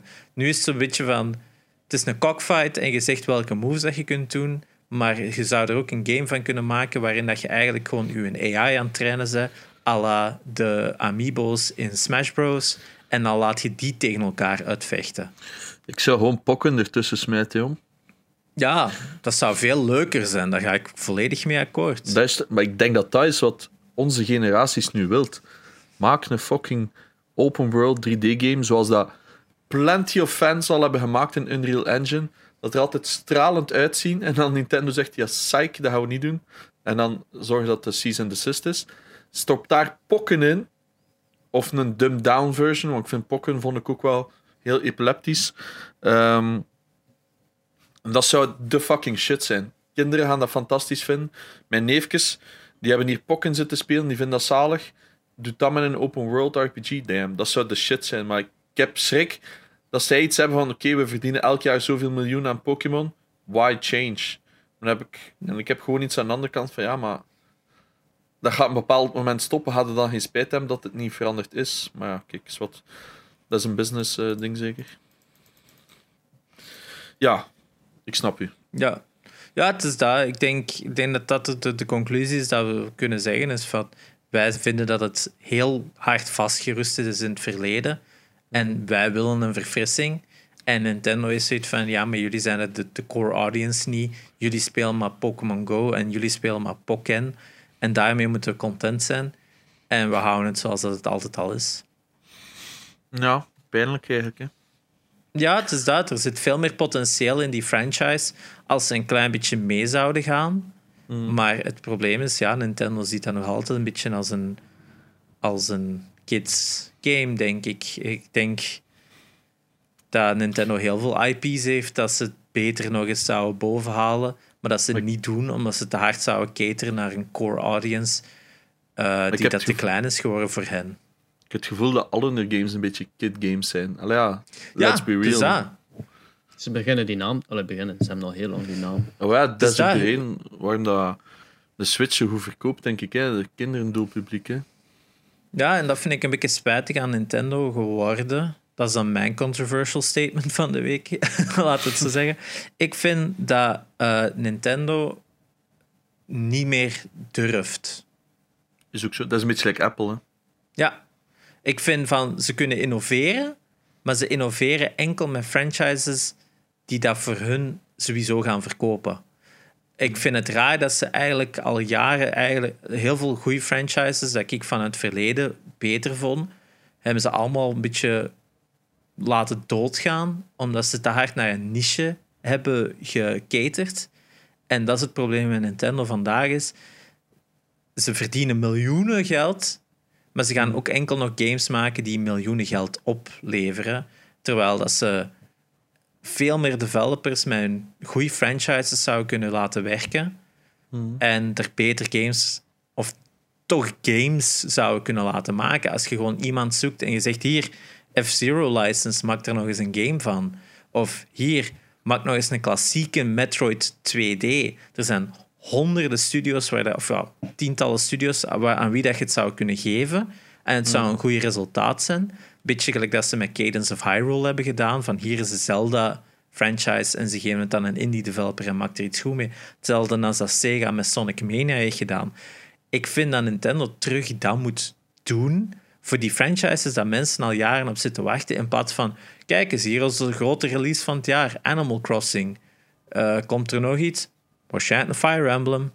En dan hebben ze zoiets van, ja, oké, dat zijn van die games die inderdaad miljoenen gaan opbrengen. Maar- dat dat bestaat. Welk? Vergeet al dat dat bestaat.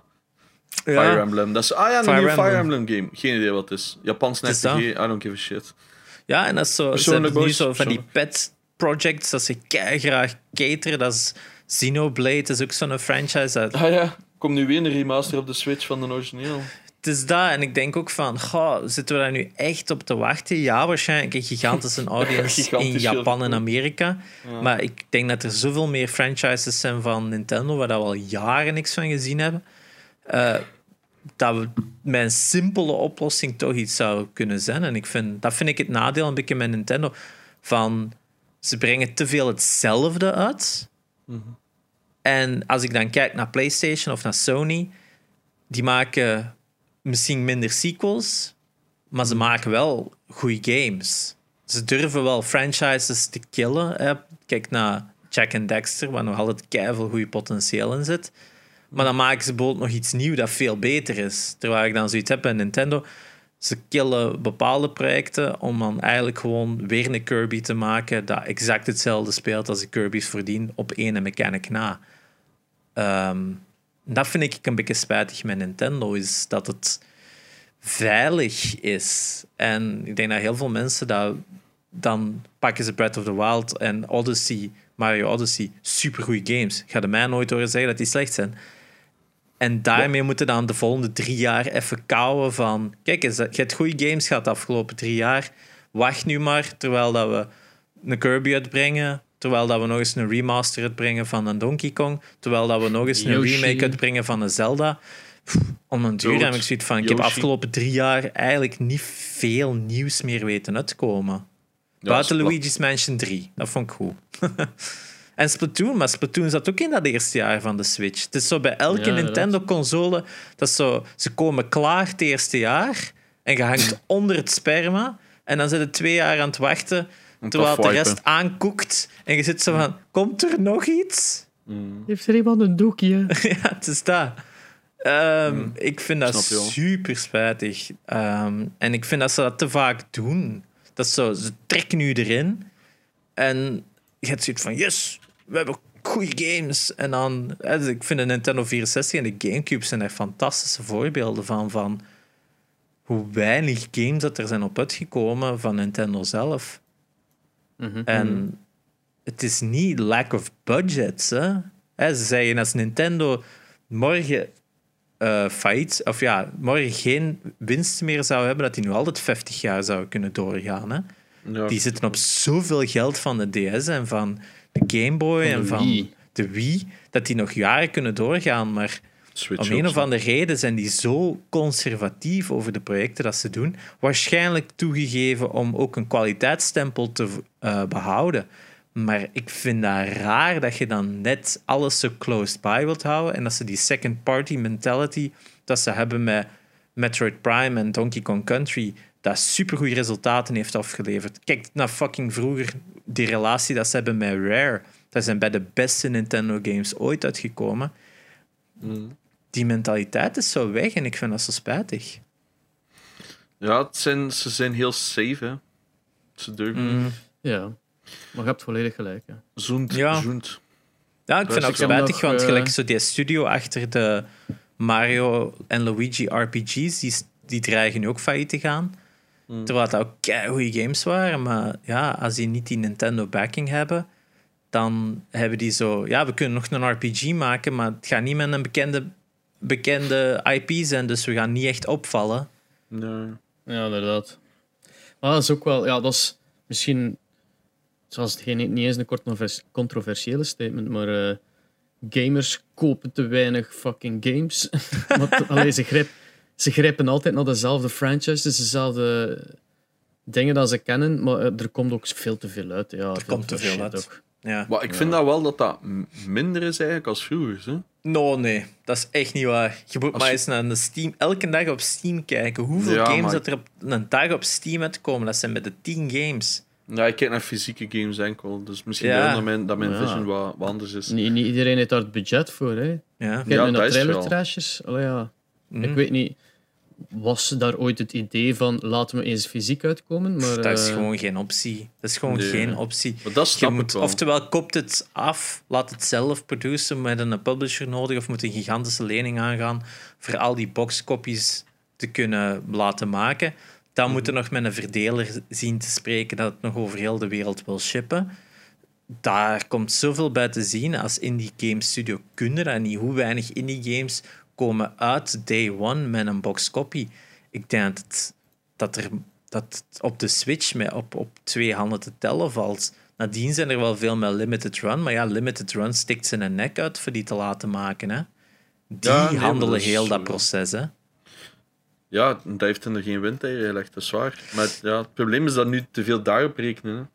Ja, dat is de enige manier dat je het nog kunt doen. Of je moet met een publisher samenwerken. En zoveel publishers hebben zoiets van, ja, maar ja, je hebt nu een game dat 20 euro kost in de shop. Is dat wel de moeite om eigenlijk op een boxversie uit te brengen in de winkel? Want dat gaat sowieso 30 euro kosten als het in de winkel ligt, zodat we er allemaal ons winst kunnen uithalen.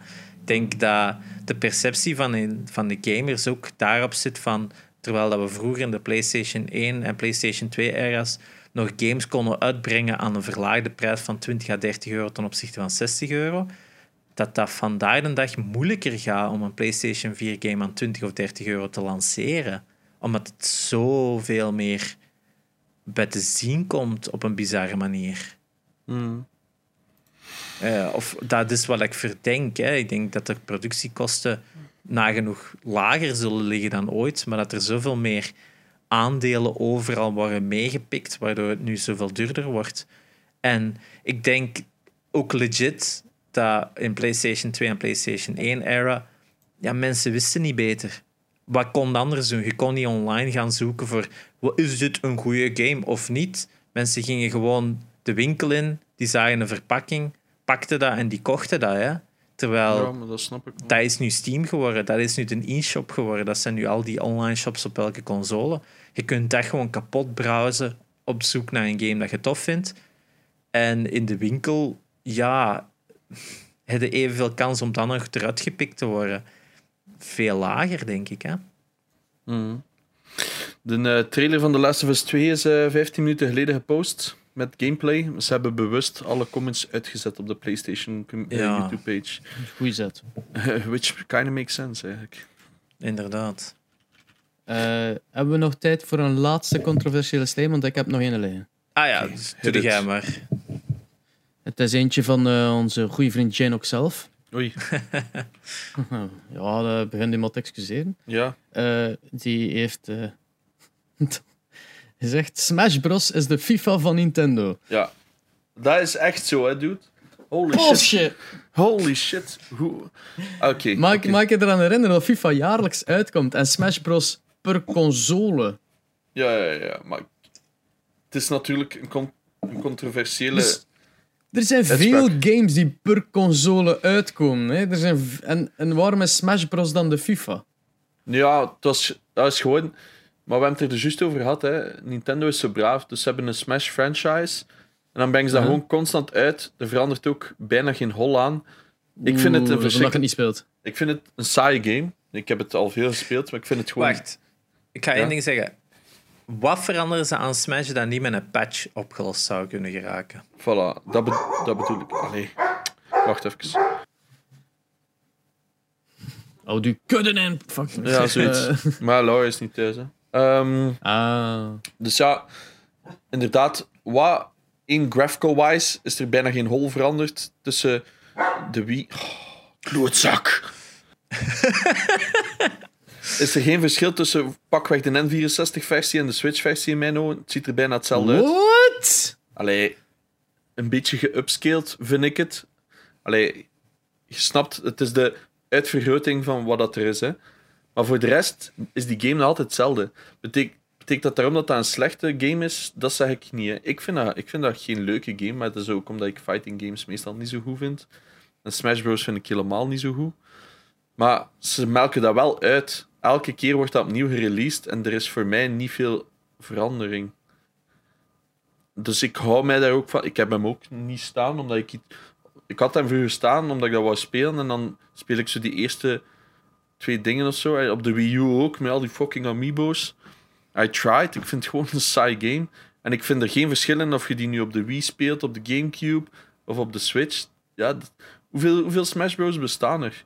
Ehm Eh, N64, Gamecube, 3DS, eh Wii. 3DS en Wii U. Is dezelfde. Ja, oké, maar zijn allemaal Ja, nee, dat is ook echt. Het is Smash 4 gewoon. Ja. Oh ja, en dan, dus je hebt zes versies. Dat is niet zo superveel, hè? don't get me wrong. Nee. Maar ehm, ik vind dat jammer van Nintendo. Eh, maar ik bedoel het ook als het is een beetje de FIFA van gaming in de zin van dat het gewoon ehm, de gameplay is ook. Dat het gewoon zo heel. Nee, ik bedoelde het echt van als een cash cow. Maar ja. Hmm. Als in... Nope, nope, helemaal niet akkoord. Helemaal niet akkoord. Go fuck yourself. Eh einde van de podcast is, gaan nooit meer terugkomen. nee, Ja. het is, ehm, Smash Bros. is ontstaan uit het idee van wie is er hier nu sterker? Weet wel, is het Mario of Donkey Kong of ja, ja, ja. Mhm. Er komen iedere iteratie, er zijn er maar zes. Laten we, laten we stellen hoeveel FIFA's dan er zijn. Ja, maar Eh, het is net er zijn er maar zes. Eh, het- er waren ook met in het begin maar zes characters of acht. En dan is dat ja. iedere keer maar gegroeid en gegroeid en, en uitgebreider en uitgebreider. Dan hebben ze zo oude characters die verdwenen waren er terug bijgehaald. Ja, de, de core game, de- het is een fighting game. Wat moet er eraan veranderen? Ze hebben er vele kleine mini-stingsjes aan veranderd. Hetzelfde dan ze bij Counter-Strike Ja. 1 en 1.4 en whatever the fuck dat er nog allemaal is achterkomen, ook niks veranderd hebben. Hè. Maar ik, Eh, allee, het, het, is, het is gewoon een fighting game dat ze iedere generatie terugbrengen met extra characters, een nieuwe singleplayer eh, campaign, ehm, nieuwe moves. Het is ook altijd gigantisch onderzocht. Er, er bestaan series van, van, van op YouTube-channels die zo onderzoeken van, oké, je hebt tien een karakter, van waar komen die zoes allemaal? Dat is echt zo he- schoon bedacht van, oké, dat die heeft dat en dat spel, die heeft die en dat spel, dan en dat. Schoon, allee, het, het, het aantal werk dat erin steekt om Ja. één karakter geloofwaardig daaraan toe te voegen, kun je niet onderschatten. Nee. om Nee. dan, allee, het op zich, als het uw spel niet is, tuurlijk, dat, dat hoeft ook niet. Maar om te zijn dat een FIFA cash cow is, een FIFA die letterlijk gewoon zegt van hier een polygoon bij aan zijn enkel en laten we het daaruit brengen. Nee, want ik vind- Nee, ik- dat is niet. hè. Ik denk dat wij ook serieus onderschatten hoeveel werk dat er in FIFA hebt. En ik denk als, ja, zeker en vast. als developer zijnde onderschat ik dat niet. Maar ik vind dat wel nog altijd een cash cow. Maar ik vind dat Alles bij- is een cash cow bij Nintendo. Het is Nintendo. Ja, Plak er een Mario op, cash cow. Maar like Mario, Weet je, dat blijft veranderen. En Smash Bros, ja, misschien omdat het een fighting game is dat ik dat zo zeg. Want bij Tekken is het. Ik, ging nu specifiek over Smash Bros. Maar ik vind dat bijvoorbeeld bij een Tekken of zo ook... Dat is raar als dat elke keer terugkomt. Want ja, het is eigenlijk altijd hetzelfde. Dus dat is ook een cash cow. Als je het... Snap je? Dus mijn, mijn, mijn uitspraak is, is, is, is een vergroting uiteraard. Eh, Of, of een... eh, ik, zou het, ik zou akkoord gaan moest het meerdere keren uitkomen per generatie. Maar dat is gewoon Ja, iedere nee, keer dat van is nu zet. nu versie. hè, nu gewoon. Ja, maar ja, Maar ja, het, het, het, is, het, is, het is ook... Allee, er is maar één op de Wii, er is maar één op de Wii U, er is maar één op de Switch, er is maar één op en iedere console. Je kunt dat moeilijk... Moest, moest er nu Smash Bros. 2, allee, of whatever, nee, Ultimate 2 uitkomen op de Switch, dan is het zo, oké, ja, now you're fucking pushing it. Het is Nee, inderdaad DLC dan ze pushen for free of, of betaald een whatever the fuck. Mm, ja. Cash cow, allee. Ja, ik, nee. ik- wat, ik wel, wat ik wel kan vatten in de statement van Janox is misschien dat het ehm, elk jaar wel uitgebracht wordt om, of elke generatie wordt uitgebracht om met wat ik eerder zeg van Nintendo is het blijft heel veilig, is het gewoon inderdaad een patch-up work eh, wat, wat heel veel daarvan is overdraagbaar van de vorige versie. dat is Smash, 4, eh, Smash Ultimate is letterlijk gebouwd op de engine van Smash 4. Eh, dat het Wat, was eigenlijk... Sakurai niet bijna doodgegaan achter Smash Ja, 4? my. Maar dat het inderdaad gewoon weer de safe bet is van hoe moeten we consoles verkopen? We brengen een Smash uit. Mm. En ik denk dat dat in het geval van de 3DS-versie bijvoorbeeld heel clever was van hey, er komt een nieuwe Smash Bros. uit, maar je kunt hem een half jaar vroeger spelen op de 3DS. En dan iedereen dat dat speelde zei van ja, dat was eigenlijk een kakversie. Maar het heeft wel verkocht, omdat het ik- Smash is. Maar ik- bij mij is die statement eigenlijk gekomen. Ik zat toen in collectorgroepen en had ze die 3DS-versie. En had zo die coole rode 3DS, waar ik zelf meerdere keren Ja. mijn handen heb gehad om te kopen. Omdat dat gewoon een schone, versie, eh, een schone 3DS was. En dan een beetje later op de Wii U hadden we nog een keer die twee soorten collector's editions. Eh, had zo een met een GameCube adapter en had een met een Amiibo, als ik me niet vergis. Mhm. En dan had ik zoiets van: oké, dat is nog maar juist uit. En iedereen was, ging dat weer kopen. Dan had ik iets van: oké, maar nu zit je ook gewoon just feeding into the system. Dus, en ik zeg van ja, ik weet zelf niet of er veel groot verschillen in zijn, want ik heb ze alle twee. Ja, ik heb de Wii U-versie wel gespeeld. Ik vond dat gewoon niet leuk. Ehm, dus, dus de 3DS-versie heb ik niet gespeeld, dus ik weet zelf niet of dat dezelfde game is of niet. Maar ik had zoiets van: ja, maar waarom zijn we nu aan het hypen over dezelfde game? Weet ik veel hoeveel tijd dat ertussen zat, die nog maar juist is uitgekomen. En dan kwam de Switch-versie uit en iedereen dat die Wii U-versie had, zei: Ja, nu moet ik die Switch-versie hebben. En ik had iets van: Oh, wait, wa- wat is er veranderd? En dan weet ik veel, een paar karakters bij. En had ik iets van: Oké, maar waarom houdt je niet aan die Wii U-versie? Waarom zijn we zo hyped dat we weer 60 euro gaan betalen voor dezelfde Want game? niemand heeft een Wii U. Ja, maar ik zat in een collectors community waar dat wel bijna iedereen een Wii U had. Ja, En maar, die- dat zijn laten we ook collectors, zeggen- ja. Laten we ook zeggen dat Nintendo eh, eigenlijk ook een beetje for shame, maar die online versie. Ik heb nooit online kunnen spelen op Smash Ultimate, want het werkte gewoon niet. Ah, is het echt? Ik vond het Ah. gewoon, het, het was mega glitchy as fuck. En ik vind voor een spel met zo'n groot productiebudget en zo'n belangrijkheid, als je dat vergelijkt met andere fighting games die constant blijven werken aan die online services, dat dat eigenlijk ook hetgeen is dat in hun ogen het belangrijkste is nu, is hoe speel het, speel het spel online. Pak een Dragon Ball eh, Fighters of pak een, is Guilty Gear en zo. Die zijn zo hard bezig met wat is die online performance heb ik altijd het gevoel gehad van Smash wordt meer van welke nieuwe karakter komt er. Eh, en ik vind dat spijtig dat dan dat online gedeelte zo als een bijgedachte wordt afgehandeld. In plaats van dat ook de focus te geven dat het eigenlijk nodig heeft. Omdat eh, natuurlijk, ik weet het, dat is een beetje zo die Japanese mentality van "Bah, online is niet zo belangrijk. Eh, it'll be fine. Eh, dat dat toch wel een verschil is in de westerse crowds. Kijk, mijn en ik ga is ook gewoon... nog een ander Ja, controversial statement zeggen over Smash. Eh, ik vind het erg dat Smash wordt, ont- eh, wordt ontwikkeld als een fighting game, terwijl het begonnen is als een party game. Hmm. En ik Ja, vind daarom geen- Smash Bros. op Nintendo 64 en Smash Bros. Melee de leukste versies. Melee is op de Wii zeker. Eh, Gamecube. Ah, oké. Ah, ja, ja. En het Ja, probleem is dat, ga- dat de GameCube-versie Melee super competitive kon gespeeld worden. En daardoor is dat dan ook, hebben ze dan Smash Bros. Brawl gemaakt, dat terug wat meer party was. Dat werd gigantisch hard afgeslaan door de community. Want die hadden zoiets van: oh, tripping, what the fuck is this? Er zitten veel, meer, veel te veel elementen in dat het een slecht fighting game maakt. Maar dat was van: ja, maar het is een party game. En dan bij Smash 4 en Smash Ultimate zijn ze gewoon volledig andere richting uitgegaan. Elke arena kan gespeeld worden in een modus dat, dat er geen stage hazards in zitten en, niet dit, en alle items kunnen afgezet worden en allemaal dit en dat. En ik ben zo van de versie, ik ben van het kamp van nee, dat is net leuker met items, want dan is het meer een partygame. Dan kan ik het op elk moment spelen in plaats van shit, ik kan nog eens met maten spelen. Ik zal eerst 20 uur trainen en dan ga ik het spelen. En dat vind ik zo het probleem aan Smash en Begin is van ik kan het niet spelen op de manier dat het origineel intended is to play, want andere mensen zijn gewoon veel beter geworden omdat ze er voornamelijk veel meer tijd hebben ingestopt. Maar kijk, wat ik ook een groot probleem mee had met die Smash, is bijvoorbeeld, gaat zo'n Nintendo E3, denk ik dat was, de Treehouse of whatever dat noemt. Ja. Dat ging twee uur over fucking Smash Bros. Over dat ze popjes aan toevoegt. En dan had ik iets van, ja, maar... Wat? Je hebt al die franchises, al die coole shit. En we gaan twee uur naar fucking...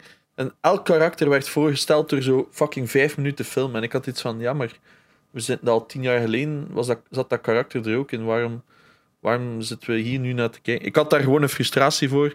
Van, oké, Ja. nu zit het gewoon aan het uitmelken. In de zin van, je wilt het echt verkopen. En je hebt net dat spel, identiek hetzelfde spel op de Wii U ook gehad. Waarom is dit plotseling nieuws? En dan op de 3DS blijkbaar ook hetzelfde. Ik, had, ik heb zoiets van, ja, Nintendo is dat aan het uitbuiten en daarom noemde ik dat een cash cow. En noem Ja. ik dat de FIFA van eh, Nintendo. Want een andere franchises vind ik dat ze dat minder doen. Ja, dat snap ik. Ik ga wel wel zeggen, eh, hun cutscenes en al die shit dat ze altijd maken voor eh, die reveals en voor, die, eh, voor die pers ervan, fucking hey, supergoed gemaakt allemaal wel. Het is echt wel het universum en het verhaal dat ze bouwen, vind ik super hard fan van. Ik vind het ook een van de mooiste games op Switch. Gewoon al die environments zijn super tof en ook die toevoeging van andere characters van andere franchises maakt het ook meer een celebration of gaming. Ik vind Ja, het gewoon toen dat spijtig dat het gewoon een beetje geëvolueerd is naar een game dat ik minder leuk vind. Toen dat ze de, Banjo- die bait and switch Och. met Banjo Kazooie. Oh my god, man. Ik, Heb je dat gezien, Genox? Nee. Maar ik zat in een, ik zat in een eh, messen... Wacht even. Ik zat, ik zat in een messengergroep toen dat die twee uur durende E3-dingen bezig was. Met andere mensen die ik nog niet super goed kende, maar dat Nintendo-fans. Dus ik dacht, kom, we gaan hier gezellig over die E3 praten. En die zaten twee over die fucking Smash te praten. En ik, oh my god, it's still Smash. Why the fuck zijn we hier naar aan het kijken? Dit is fucking saai. En zij waren super hyped. Sindsdien zit ik niet meer in die messen. Nee, nee, nee. Maar eh, ik word niet meer uitgenodigd voor de Nintendo eh Treehouses. Want ik heb daar gewoon kritisch naar gekeken. Ik vond, ik vond dat gewoon shite. Maar zeg maar wat je zegt. Wat zeggen? Ehm, de, de, de, de reveal dat Banjo-Kazooie in Sma- naar Smash ging Ah, ja. komen, was een long-awaited iets eigenlijk, want er was al zoveel vraag naar om die erin te steken. En als, er was dan een reveal-filmpje dat duidelijk zoiets voor Smash was, en dan er meerdere Nintendo-characters in zaten, en dan uiteindelijk keken ze zo naar buiten toe ergens, zaten in een huis, ze keken ergens naartoe en je zag een silhouet. En hij zag het silhouet van Banjo-Kazooie. En dan wordt dat opgelegd. En het wordt gewoon like, twee andere characters die zo ja, palmboompjes en dergelijke vaststaan. Dat zo handy was. En iedereen, ah, oké, what the fuck. En dan Weet, gaat de trailer zo wat verder. En op het laatste dan toch, ah ja, en Banjo-Kazooie komt erbij. En zo, the fuck, gasten. Ja, de hype dat ze kunnen creëren is altijd wel dope. Ah ja. Maar, dat Maar- is ook echt zo. Te veel fucking Fire Emblem characters. Come on. Ja, ja, dat is wel waar. Dat is, dat is echt zo van Nintendo die van, ja, hoe zit dat met verkoopcijfers van Fire Emblem? Ja, goed in Japan, maar nergens anders. Zet zijn Smash Bros. Kijk, goed plan. Eh, We moeten nog amiibo's uitbrengen. Dat brengt geld op. Eh, dat was mij ook een Ja. probleem. Ik collecte, ik collecte die amiibo's van Smash Bros. dan. Om ze te gebruiken. En dan zaten ze al aan het 60. En dan begon maar bij. Ik weet niet hoeveel dat ze nu zijn. Over de 100 waarschijnlijk. En dan had ik iets van... Oké, nu wordt het een beetje weird. eh. Ik, dat- ik, dat ik- noem ik ik vind ze wel cool, want ik heb er nog altijd een paar. Ik heb er hier zelfs nog een paar onlangs nog besteld. Ik heb nog zo de, de Metroid Prime, eh, zo die eh, Dark Samus gekocht. Hmm. En ook uh, dingetjes Simon Belmont van, van Castlevania. Ik vind dat cool dat ze van bepaalde characters nu eindelijk zo een amiibo of een ventje hebben. Dat gewoon kwalitatief goed gemaakt is. Ja, maar ik had ook zoiets lijkt met Zelda. Had er dan zo al vier of zo. En had ik iets van... Oké, maar nu wordt het... Weer een cash cow. Ja, Eh, zeker en vast. Uiteindelijk eh, zijn er van bepaalde franchises, gelijk bij Breath of the Wild, het er een van een, van een moblin, van zo'n fucking goblin dat je kunt kapotmaken. Why? Eh, Ja. I don't get it. Ja, Ik heb nog altijd iets dat ik, had, dat ik gekregen heb van u, Jerry, nog altijd in box gelaten. Ah ja, die Japanse. Al de rest is er, die was al de rest is er zo zeldzaam een tijdje. Hè. Die heeft keihard geld gekost een tijdje in de collectors. ja. ja, daarom. Ik heb er toen een Japanse versie aan kunnen bestellen voor Espes een verjaardag. Ah, Is dat de Eh, Japanse versie?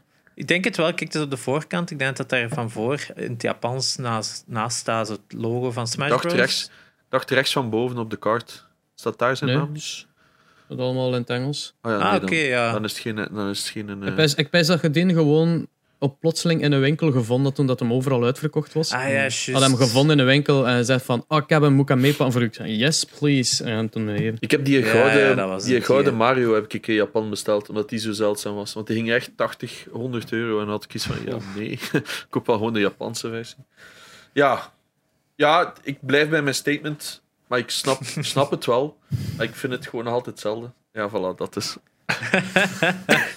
Ja, ik denk, ik denk als er nog mensen zijn die dat luisteren naar deze podcast, ik denk dat volgende week er een pak minder zullen zijn na deze controversial statements. maar Ik laten- volgende week voor deel 2. Ja, ik, ik denk vooral van het, uiteindelijk games gelijk films, het is eh les goûts les goûts et les couleurs. Ehm, je gaat nooit alles even goed vinden. Of het gaat ook soms aan je verloren gaan, denk ik. Hè. Er zijn zoveel mensen dat ik denk van, waarom heb je dat game nog nooit gespeeld? Dat is supergoed, dat is keihard. En dan speel ze dat vijf minuten en dan zeggen ze, oh, ik vind het toch niet zo goed. En dat is ook nog zo wel een statement dat ik ook wel was tegenkom, wat ik wel interessant vond, was van, een spel dat vroeger goed is, betekent daarom niet dat het vandaag nog goed is. En dat is ook omdat je kunt moeilijk een game van 20 jaar geleden zeggen van kijk eens hoe goed dat, dat is, omdat de impact daarvan heeft 20 jaar aan games veranderd, waardoor dat, dat niet meer nieuw is. kunt mo- moeilijk... Als ik, als ik vandaag, morgen aan iemand Super Mario Bros. 1 geef en zeg van kijk, is dat een keigoed spel, de kans is groot dat ze het slecht vinden omdat ze al Mario Maker hebben gespeeld of, of een andere versie van Mario dat veel tighter is en veel beter controls heeft. Hm. Ja. Daarom, je moet Ja, evolueren. hè. Ja, ik snap Ja, het. het, is niet dat de, het is niet dat iemand een controversiële mening heeft over favoriete game, dat, dat daarvoor uw ervaring met die game wegpakt. Ja, Nee. het is dat, dat vooral. Nee, het is zo. Ik snap het. Ja, De- er zijn, met de top 50 best verkochte games hadden we het al perfect van hoeveel ervan dat we niet gespeeld hadden, dat we zo gingen van, oh shit, is er iets mis met ons? Of is het eerder gewoon dat wij een andere smaak hebben? Dat is het leuke, hè, dat iedereen een aparte smaak heeft. Behalve als je fout zit en Smash Bros. leuk vindt. Eh. nee, maar... De, Ja, zeg maar. zeg maar, zeg maar, zeg maar. zeg maar. Eh, nee, nee, ik ging gewoon recapituleren. Ja, en ik ging doorgaan naar de Rateriff zelfs. Ah ja, voilà. Alright. Eh, als ik hem vind, wie dat er hem geraan heeft. Ik weet dat Veteran Pants de tweede was. Ik dacht, ik dacht dat Veteran Eh. zelfs eerst was. Was het niet? Was Veteran eh, een eerste? Ik dacht dat hij een eerst was. Ja, ja, dat kan zijn. Hopla, Veteran Pants. Ik denk dat Pieter ook... En Pieter, er, er- nou, nee, Pieter was eerst en Veteran heeft dat dan uiteindelijk ook geantwoord op zijn eigen. Ah ja, zo was dat. Met, daarmee dat ik dacht dat hij het eerst was. Het was Pieter, inderdaad. Het was eh, het liedje van GoldenEye op Nintendo 64.